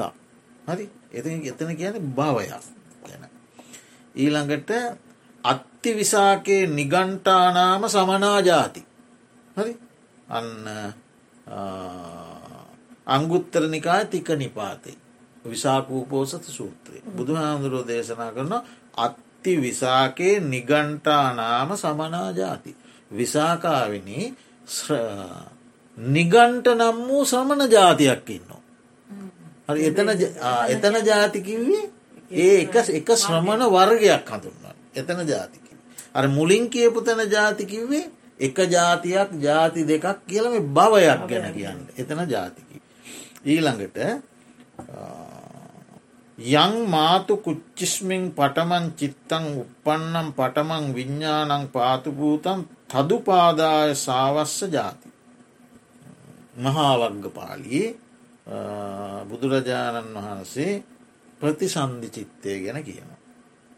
යමෙක් මේ මවගේ කුසේ යමෙක් යමෙක් මේ මවගේ කුසේ පළමුුව උපදින චිත්තය පළමු විඤ්ඥානය හටගත්තේද ඒ ජාතිය. අන්න එතවට ප්‍රතිසන්ධි විඤ්ඥානය හට ගැනීම තම එතන ජාතියකි. දැම තුන් ආකාරයිනි බලඩු අන්න එතන ප්‍රතිසන්ධි විඤ්ඥානය පහළවීම ඒ සත්වය කටගත්තවන්න එතන ජාතියක් කටගත් පලවෙනියා එතන තම ජාතිය. ඊළඟට සම්පති ආනන්ද ජාතෝ බෝධි සත්‍යයෝ එතන ජාතෝ කියන වචනය දෙන්නේ බෝධිසත්වයන් වහන්සේ මවකුසෙන් බිහිවීම හිටගෙන බිහි වුණා කියන අච්චරි අබ්භූත සූත්‍රය. ආනන්දය බෝසතාණන් වහන්සේ මව සිටගෙන සිටියදී මවකුසෙන් බිහිවන්නේය. ඒ බෝසත් ධර්මතාවය. ඕ මව සිටගෙන සිටියදී තමයි බිහිවෙන් ඒක බෝසත් දහමක් සියලුම බෝසතාණන් වහන්සේ. බිහිවෙන්න එහෙම අච්චරී සූත්‍රයේ මට මතක හැටියට දහ නමයක් තියෙනවා බෝසතාණන් වහන්සේලාගේ ආශ්චර්ය ධර්ම. දහ නමයක් ඒ බිහිවුණු ගමන් සිටගෙන ඉදිරියට යෑ මහත්පියවර අර දේශනාව කිරීම අබ්ගෝහමස්ම රන් දැලකින් පිළිගැනීම දෙවිවරු පළමුුව දෙවිවරු පිළිගෙන දෙවනුව මිනිස්සුන්ට බාරදීම. මව ඉදිරියේ ගොස් තැබීම. ඊළඟට බෝසතාණන් වහන්සේ මවකුසත් පිළිසිරගත්තම අම්මට කුමාරයා පේන්න පටන්ගන්න දාමොකක්ද ධාතු කරණුවක දාලඉන්න ධාතු කරණුවක තියෙන දෙයක් වගේ අම්මට පේනවා මේ පැහැදිලිව බෝසතාණන් මවට පුතා පේනවා. ඒව ධර්මතා. එතකොට ආං ඒ සූත්‍රයේ තියෙනවා සම්පති ආනන්ද ජාතෝ බෝධිසත්ව. එතන ගැන බෝධිසත්වයන් වහන්සේ ප්‍රසූතවීමට ජාත කියෙන් එතන. එතන ප්‍රතිසන්ධ විඤ්ඥානයක් ගැනීමයි කියන්න. හරිද එතවට මේ එක එක ඒ වචනවල එක තැනක් විතරක් අල්ලගෙන මේ වචනය තම මේ හැම තැනම තියෙන්නේ කියන්න බෑ සච්ච සද්ධ වනත් එහෙමයි සමහර තැන්වල අරිය සච්ච කියන වචනේ සච්ච කියන එක වෙන සච්චවලට යොද සම්මුති සත්‍යය වෙනවට යොදපු අවස්ථා තියෙන. අරිය සච්ච කියන තැන ආර්ය සත්‍යය. එහෙම තියෙනවා. ඊළඟට අක්කිත්තෝ අනුපක්කුටෝ අනුපක්කුටෝ ජාතිවාදීන. කුලවාදයෙන් බැහැර නොකරන ලද්දේ අවමන් නොකරන ලද්දේ අංගුත්තරනිකාය සබ්දක නිපාත එතන මොකක්ද ජාතිය කියල කියන්න. කුලයට හරි ජාතිවාදයන කුලවාදයෙන් ජාතිවාදයෙන් අවමාන කරනවා කියලා කියන්නේ අපි. එතන ජාති කියලා කියන්න ඒ සමාජයේ තියෙන විවිධ කුල ක්‍රම සහ ජාති. අපි ඔය කියන්න සිංහල දෙමල මුස්ලිම් එතන ජාති කියන වචන එතන යෙදෙනවා ඒක. හරිද. ඊළඟට යතෝහම් බගිනි අරියාය ජාතියා ජාතෝ නාභිජානාමි සංචිච්චපානන් ජීවිතාවෝරෝපේතා කාටද බුදු හාදුරගෙන්වේ අංගුලි මාල මහරාතන් හරි මවකුසේක දරුගෙව පිහිටවෙලා දරුවෙක් කම්බෙන්ඩ බැරුව දරු ගැබැයි හිරවෙලාවාගේ වේදනාවන් පෙළෙන අම්ම කෙනෙකු දැකල කනගාටු ඇති වෙලා බුදුහාමුදුරන්ට ඇවිල් ලකිවම සත්‍යයක් ක්‍රියාවක් කරන්න කිව. නැගනියනි මම ආර්ය ජාතියේ උපන්නාට පස්සේ දැන දැන කිසිම සතකුගේ ජීවිත තොර කළේ නෑ. ඉස්සරමිනී මැරුව. ආර්ය ජාතිය පිදුනාට පස්සෙමන් කිසිම සතෙකුගේ ජීවිත දැන දැන තොර කළේ නෑ. ඒක සත්‍යයක් ඒ සත්‍යානුභා බලනෙන් නැගෙනියෙන් නුබ සුවපත්වෙත්ත. ඒක තමයි අපි කියන්නේ අංගුලි මාල පිරිත කියනවගේ අම්මලාට දරුවහම්බෙන්න්නට අපි ගින් කියන්න ඒක. එතකොට එතන ජාතෝ කියන්නේ මොකක්ද ආර්ය ජාතිය. දැක්ක දැ භික්‍ෂු භූමියන්නෙම අරිහත්වයට පත්වී සෝවාන්නාදී ම ආර්ජාතය ඉපදුනාට පස්සේ කියලනි කියෙන් ආර්යම නැගෙනනි මම ආර්ය ජාතය ඉපදුනාට පස්ස. දැන දැන සතකුගේ ජීවිත තොර කරන. ඔවු එතන කියන්නේ මේ ආර්ය සීලය ආර්ය සීලේ ප්‍රාණාතිපාතය ගැන සීලයට අයිති එක සතුම් මරණීමෙන් වලකිනවා ගැන සීලයට අයිතික. එතවට උන්වහන්සේම ආර්ය සීලය ගැන බුදුරජාණන් වහන්සු ගන්න. එතවට එතන ජාතකයන් වෙන අර්ථය. හරි. එතකොට අපි ඒක තේරුම් ගණ්ඩුව. බුදුදහම තේරුම් ගන්නවා කියන එක නැත්තම් පැටල්ලි සහිතවෙන. ඒවට අපිට අපිට ඕන විදිහට බෑ කරන්න. ඒවට පැරණි පඩිවරු ගත්ත මාර්ගයමක දාචාර්ය මත මොනවාද. ත්‍රිපිටක මත මොනවාද. මේ සූත්‍රය සහ අනිත් සූත්‍රයේ ගැලපන්නේ කොහොමද. මේ සූත්‍රයේ තියෙන මේ දේ අනිත් සූත්‍රයක තියෙන්නේ කොහොමද. පොතේ තියෙන ඒ වගේ එක තැන්වලදිය යෙදලා තියෙන තැන් ඒ යෙදිලා තියෙන තැන් ගත්ත තැනත් පෙන්න්නනවා. ඉතින් ඔය ඕකේ නැද්ද ඔය අනිත් මිනිස්සු කෑ ගහන අනිච්ච ඒකෙනං ඉතින් මේ මේ එච්චරම කතා කරන්න අනිත්‍යතාවය ගැන හොගක් මේක විස්තර තියෙනවා. ඉතින් මෙහෙමයි. දැන් කියනවන මහාහත්ති පදෝපම සූත්‍රය. මාත්‍ය පදෝපම සූත්‍රය කියනවා මේ ලෝකයේ තියෙනවා මේ ධාතු හතර පටව්‍යාපොතේ ජෝවාය හරි. හාමුදුරනේ. ඇයි හාමුදුරනේ? එතකොට මේ ඔය ඒවායෙන් මුලාවෙන් ඒකත් ඒවා ඒවා ඉතින් එහෙම අපිට කියන්න බෑ. ඉතින් ලෝකයේ හැටිනේ ඒවා එදත් තිබුණා දත් තියෙනවා. අපිට ඒවා විවාද කරන්න අවශ්‍යයක් නෑ. අපි අතාර්ථය තේරුම් ගත්තම හරි. මිනිස්සු ඉතින් හොම ඒවට ඉතින් දැන් ඔන්න මේක කියනවා. බාහිර පටවිධාතු අජ්‍යත්තික පටධාතු කළ දෙකයිනේ. එතකොට යම් කිසි කලක මේ බාහිර ආපෝධාතුව කිපෙනවා. ගැන මේ ගංගා ඇල දොළ මහ සයිරු ඔක්කොම කිපෙනවා. කිපිල මේ පටවිධාතුව අතුරු දහංකන. මේ පොළව පොළොව ගණ්ඩ මේ පොළොවක් නෑ මේ පටවිධාතු අතුරු දං කරන. ඒ සහ විශාල මහත් මේ පටවිධාතුවත් පේනවලු මොනවද පේන්නේ. අනිච්චතා පඤ්ඥා ඉස්සති. කය දම්මතා පඤ්ඥා ඉස්සති. වයදම්මතා පඤ්ඥා ඉස්සති. විපරිනාම දම්මතා පඤ්ඥා ඉස්සති. දැන් එතොට මේ සමාන පදවචන හතරක් නෙමේ කියන්න.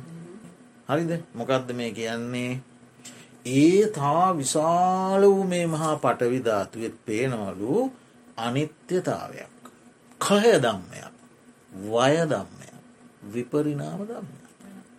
හරි එතෝට දැන් මේ ධාතු මනසිකාර භාවනාව කරන භාවනා යෝගයා එයා මේ ධාතුූන් වලට බෙදාගෙන භාවනා කරන කෙනා දැන් දකිනවා මේසා විශාල මේ මෙපමණයි කියලා දක්වන්ඩ බෑන මේ මහ පොළොව මේ ගස් ගල් පරුවත. ඒ සහ විශාල පටවි ධාතුවත් අනිත්‍යය වෙලා ශයවලා වැයවෙලා විපරිනාම වෙලා යනවන් නම් මේ කෙස්ටියකුයි නියපොත්තකුයි දතකුයි හමකුයි තියාගෙන මේක අනිත්‍යදාය ගැන කවට කතාද කියලා එයා බලනවයි කියනවන. දැ අපි තාවම බලන්න එයා බලනෝලු එයා දකි නොමොකක්ද මේ තියෙන්නේ කියලා. හරි. ඊළඟට ඊට පස්සේ එයාට අන්න අය ආක්‍රෝෂ කර පරිභව කළා. ගැටුවත් වෙහෙසට පත් කළත් එයා දන්නවලු මෙන්න මෙහෙම.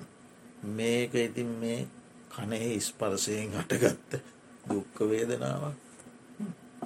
එයට මේක අල්ලන්න දෙයන්නේ මේසා විශාල පටවිධාතුවත් විනාස වෙලා යනවා. මේ කෙස්ලොම් ටිකත්තියාගෙන මොන නිත්‍ය භාගඇත්ති කියලා ඇද මත්වයෙන් තොරෝ එයා බලනවා. බලන්නකොට යට කවරුවරි බනිනවා ගහනවා වෙහෙසට පත් කරනවා. එයා කල්පනා කරන මේක සෝත ස්පර්සයෙන් හටගත්ත දුක්ක වේදනාව.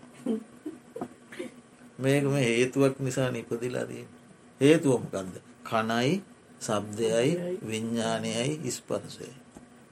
ඒ නිසා තමයි මේක හට ගත්තේ. එයා ඊට පස්සේ දකිනවා මේ ස්පරසයත් අනිත්‍යයි. මේ වේදනාවත් අනිත්‍යයි. මේ සංඥාවත් අනිත්‍යය එක හඳුනාගත්තන ඒකත් අනිත්‍යය. ඉතින් මේ සංස්කාර ඔක්කොම මෙහෙමයි. මේ සංස්කාරත් මේ පිළිබඳව මේ අනුම් බැනීමෙන් ඇතිවුණ චේතන ඒවත් අනිත්‍යය. ඒ බැනීම දැනගත්ත විඤ්ඥානය ඒකත් අනිත්‍යය. එයාගේ සිත දැන් අරයා බැන්න එකට නෙම යල්ලන්නේ. එයාගේ සිත මේ ධාතු සංඛ්‍යාත ආලම්බනයටයි බහින්නේ. ධාතුව අර බනිනකොටත් එයාගේ සිත ධාතු අරමුණට බහින්. ඒක එයා ගන්න. සිත ධාතු අරමුණට බැල ඒ අරමුණ එයාගේ හිත පහදින්නේ. අරය අරහෙ බනි නොම එයාගේ අරමුණ මෙයා මේ ධාතු ආරම්භනේ පහදිලා ඒ අරමුණේ තම ඉන්නේ. ඒ අරමුණේ තම නිශ්චයට පැමිණේ.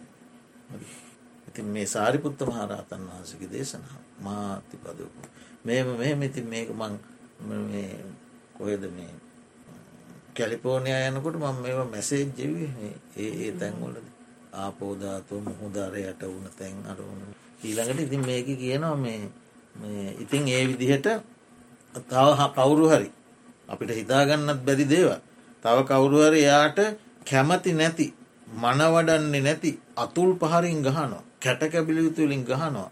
දඩුවලින් ගහනවා. සැත්වලින් ගහනවා. ඒත් මේ ධාතු මනසිකාරයෙන් හිත ස්ථාවරත්වයට පත්කර ගත්ත මොහු දැ ධාත් මේ මොනෝද මේ ස්වල්ප ධාතු කොට සන්න හරි එතකොට එයා ඒ සැත් පහර වදිනකොට කල්පනා කරනවා කකචූපම අවවාදී. බුදුහාමුදුරුවෝ දේශනා කළා ලාමක කර්ම ඇති හොරු දෙපස මිටිය ඇති කියතිකින් උඹලගේ අංග පසඟ කැපුවත් ඒ සොරුම් කෙරෙහිවත් හිත දූෂය කරගණ්ඩ එපා. කරගත්තත් මගේ අනුශාසනය කරන කෙනෙක් නෙවෙයි. ආනයා ඒක කල්පනා කරනවා ඒ ගහන කොට කල්පනා කරලා සිහියලඹ සිටින. එයා බුදුරජාණන් වහන්සේගේ අවවාදය අනුව කටයුතු කරන. ඉතින් මෙසේ බුදුන් සිහිකරන මෙසේ ධර්මය සිහිකරන මෙසේ සංඝයා සිහිකරන ඒ මහනහට කුසල නිර්සිත විදර්ශනාව උපා උපේක්ෂාව පිහිටන් නැත්තම්. ඒ බුදුන් දහම් සංඝයා සිහිකරද්දිත් කුසලය හා මිශ්‍රවුණ විදර්ශනාව උපේක්ෂාව පිහිටන් නැත්නම් එයා බීතියට පත්වෙනවා. හරි බීතියට පත්වෙන සංවේගයට පැමිණෙන. මේකනම් මට ලාභයක් නෙව. මේකනම් මට නොමනා දෙයක් කියලා එයා ලේලිය දැකලා අන මාමණ්ඩී දැකලා ලේලිය බියවෙන්නේ මාමණ්ඩිය දැකලා ලේලිය බියවෙන්නේ මාමණ්ඩිය දැක්කම ලේලිය සංවේගයට පැමිණින්නේ. අන්න ඒ වගේ සංවේගයට පැමිණෙනවලු මේ පටවි ආදී ධාතු සමූහය පිළිබඳව හිතලා තමන්ගේ හිතේ විදර්ශනාවට බැහැගත්තේ නැත්තම්. එයා බයවෙනවලු මාමණ්ඩිය දැකළ බයවෙන ලේලිය වගේ. බයවෙලා ඉතින් එයා ඒ නැවත උත්සාහ කරනවා. ඒ හදාගන්න. එහෙම කුසල නිශ්‍රිත විදර්ශනා උපේක්ෂාව පිහිට ඕනවනන් ඒකට එයා සතුටිය පිහිටන් නැත්නම් බය වෙනවා. ති මේක තවගොඩාක් විස්තර සහිතයි. මේක කිපෙන හැටි ධාතුවන් කිපෙන හැටි යටවෙන හැටි අන්තිමටම ඇගිලි පුරුකත්තෙම ගණ්ඩ වතුරනෑ ඕව තියෙනවන්. ඉතින් මේ මෙතන තියෙනවා වචන හතරක්.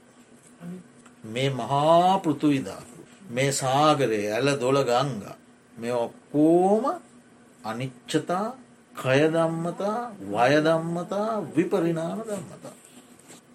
එත කොටින්ම කියන්නේ යම් කිසි දෙයක් තේරුම් ගැනීමේදී අපිකම එක සූත්‍රයක් තේරුම් ගන්න ඒ සූත්‍රයේ තේරුම් ගැනීමේදී අපිට ගැටලු සහගත තැනක් තියෙනවන ඒ සූත්‍රයට ගැලපෙන අන්සූත්‍ර හදාරන්න. හදාරමින් තමයි ඒ සූත්‍රයේ ගැටලුව නිරාකරණය කරගන්න. ඒවා හදාරලාත් ගැටලුව නිරාකරගන්න අමාරුනං ඊළඟට තමයි යන්නේ අට කතාවට. ආචාර්ය මතවලට. ඉස්සල්ලා බලන්නේ අනිත් සූත්‍රත් එක්. එහෙම තමයි. ඉතින් ලෝකයේ ඉතින් වෙනස් වෙන අපිට ලෝකයේ වෙනස් කරන්නත් බෑ. ඉතින් අපිට ඒවා ඒ නිසා වච්චන වල විවිධ තැන් තියෙන බව විතර මතක තියගෙන එකම දේ විවිධ තේරුම් දෙනවා හෙනම් ඉතින් ගොඩක් වෙලා කියනේ කීද වෙලා? ඒනම් අපි මේ සාකච්ඡාව පිළින් උපදවා ගත්තා උකුසල සක්තිය දෙවියන් සහිත ලෝකවාසී සියලු සත්වයන්ටත් අප හැම දෙනාටම නිවන් අවබෝධය පිණිස හේතුවාසනාවේවා කියලා පාර්ථනා කරන ආකා සට්ටහාජ බුම්මට්ටා දේවානාගා මහින්දිකා පුුණ්ඥන්තන් අනුවෝදිත්වා චිරන්රක්කන්තු ශාසනංචිරන්රක්කන්තු දේශනංචිරන්රක්කන්තු මම් පරන්තිී.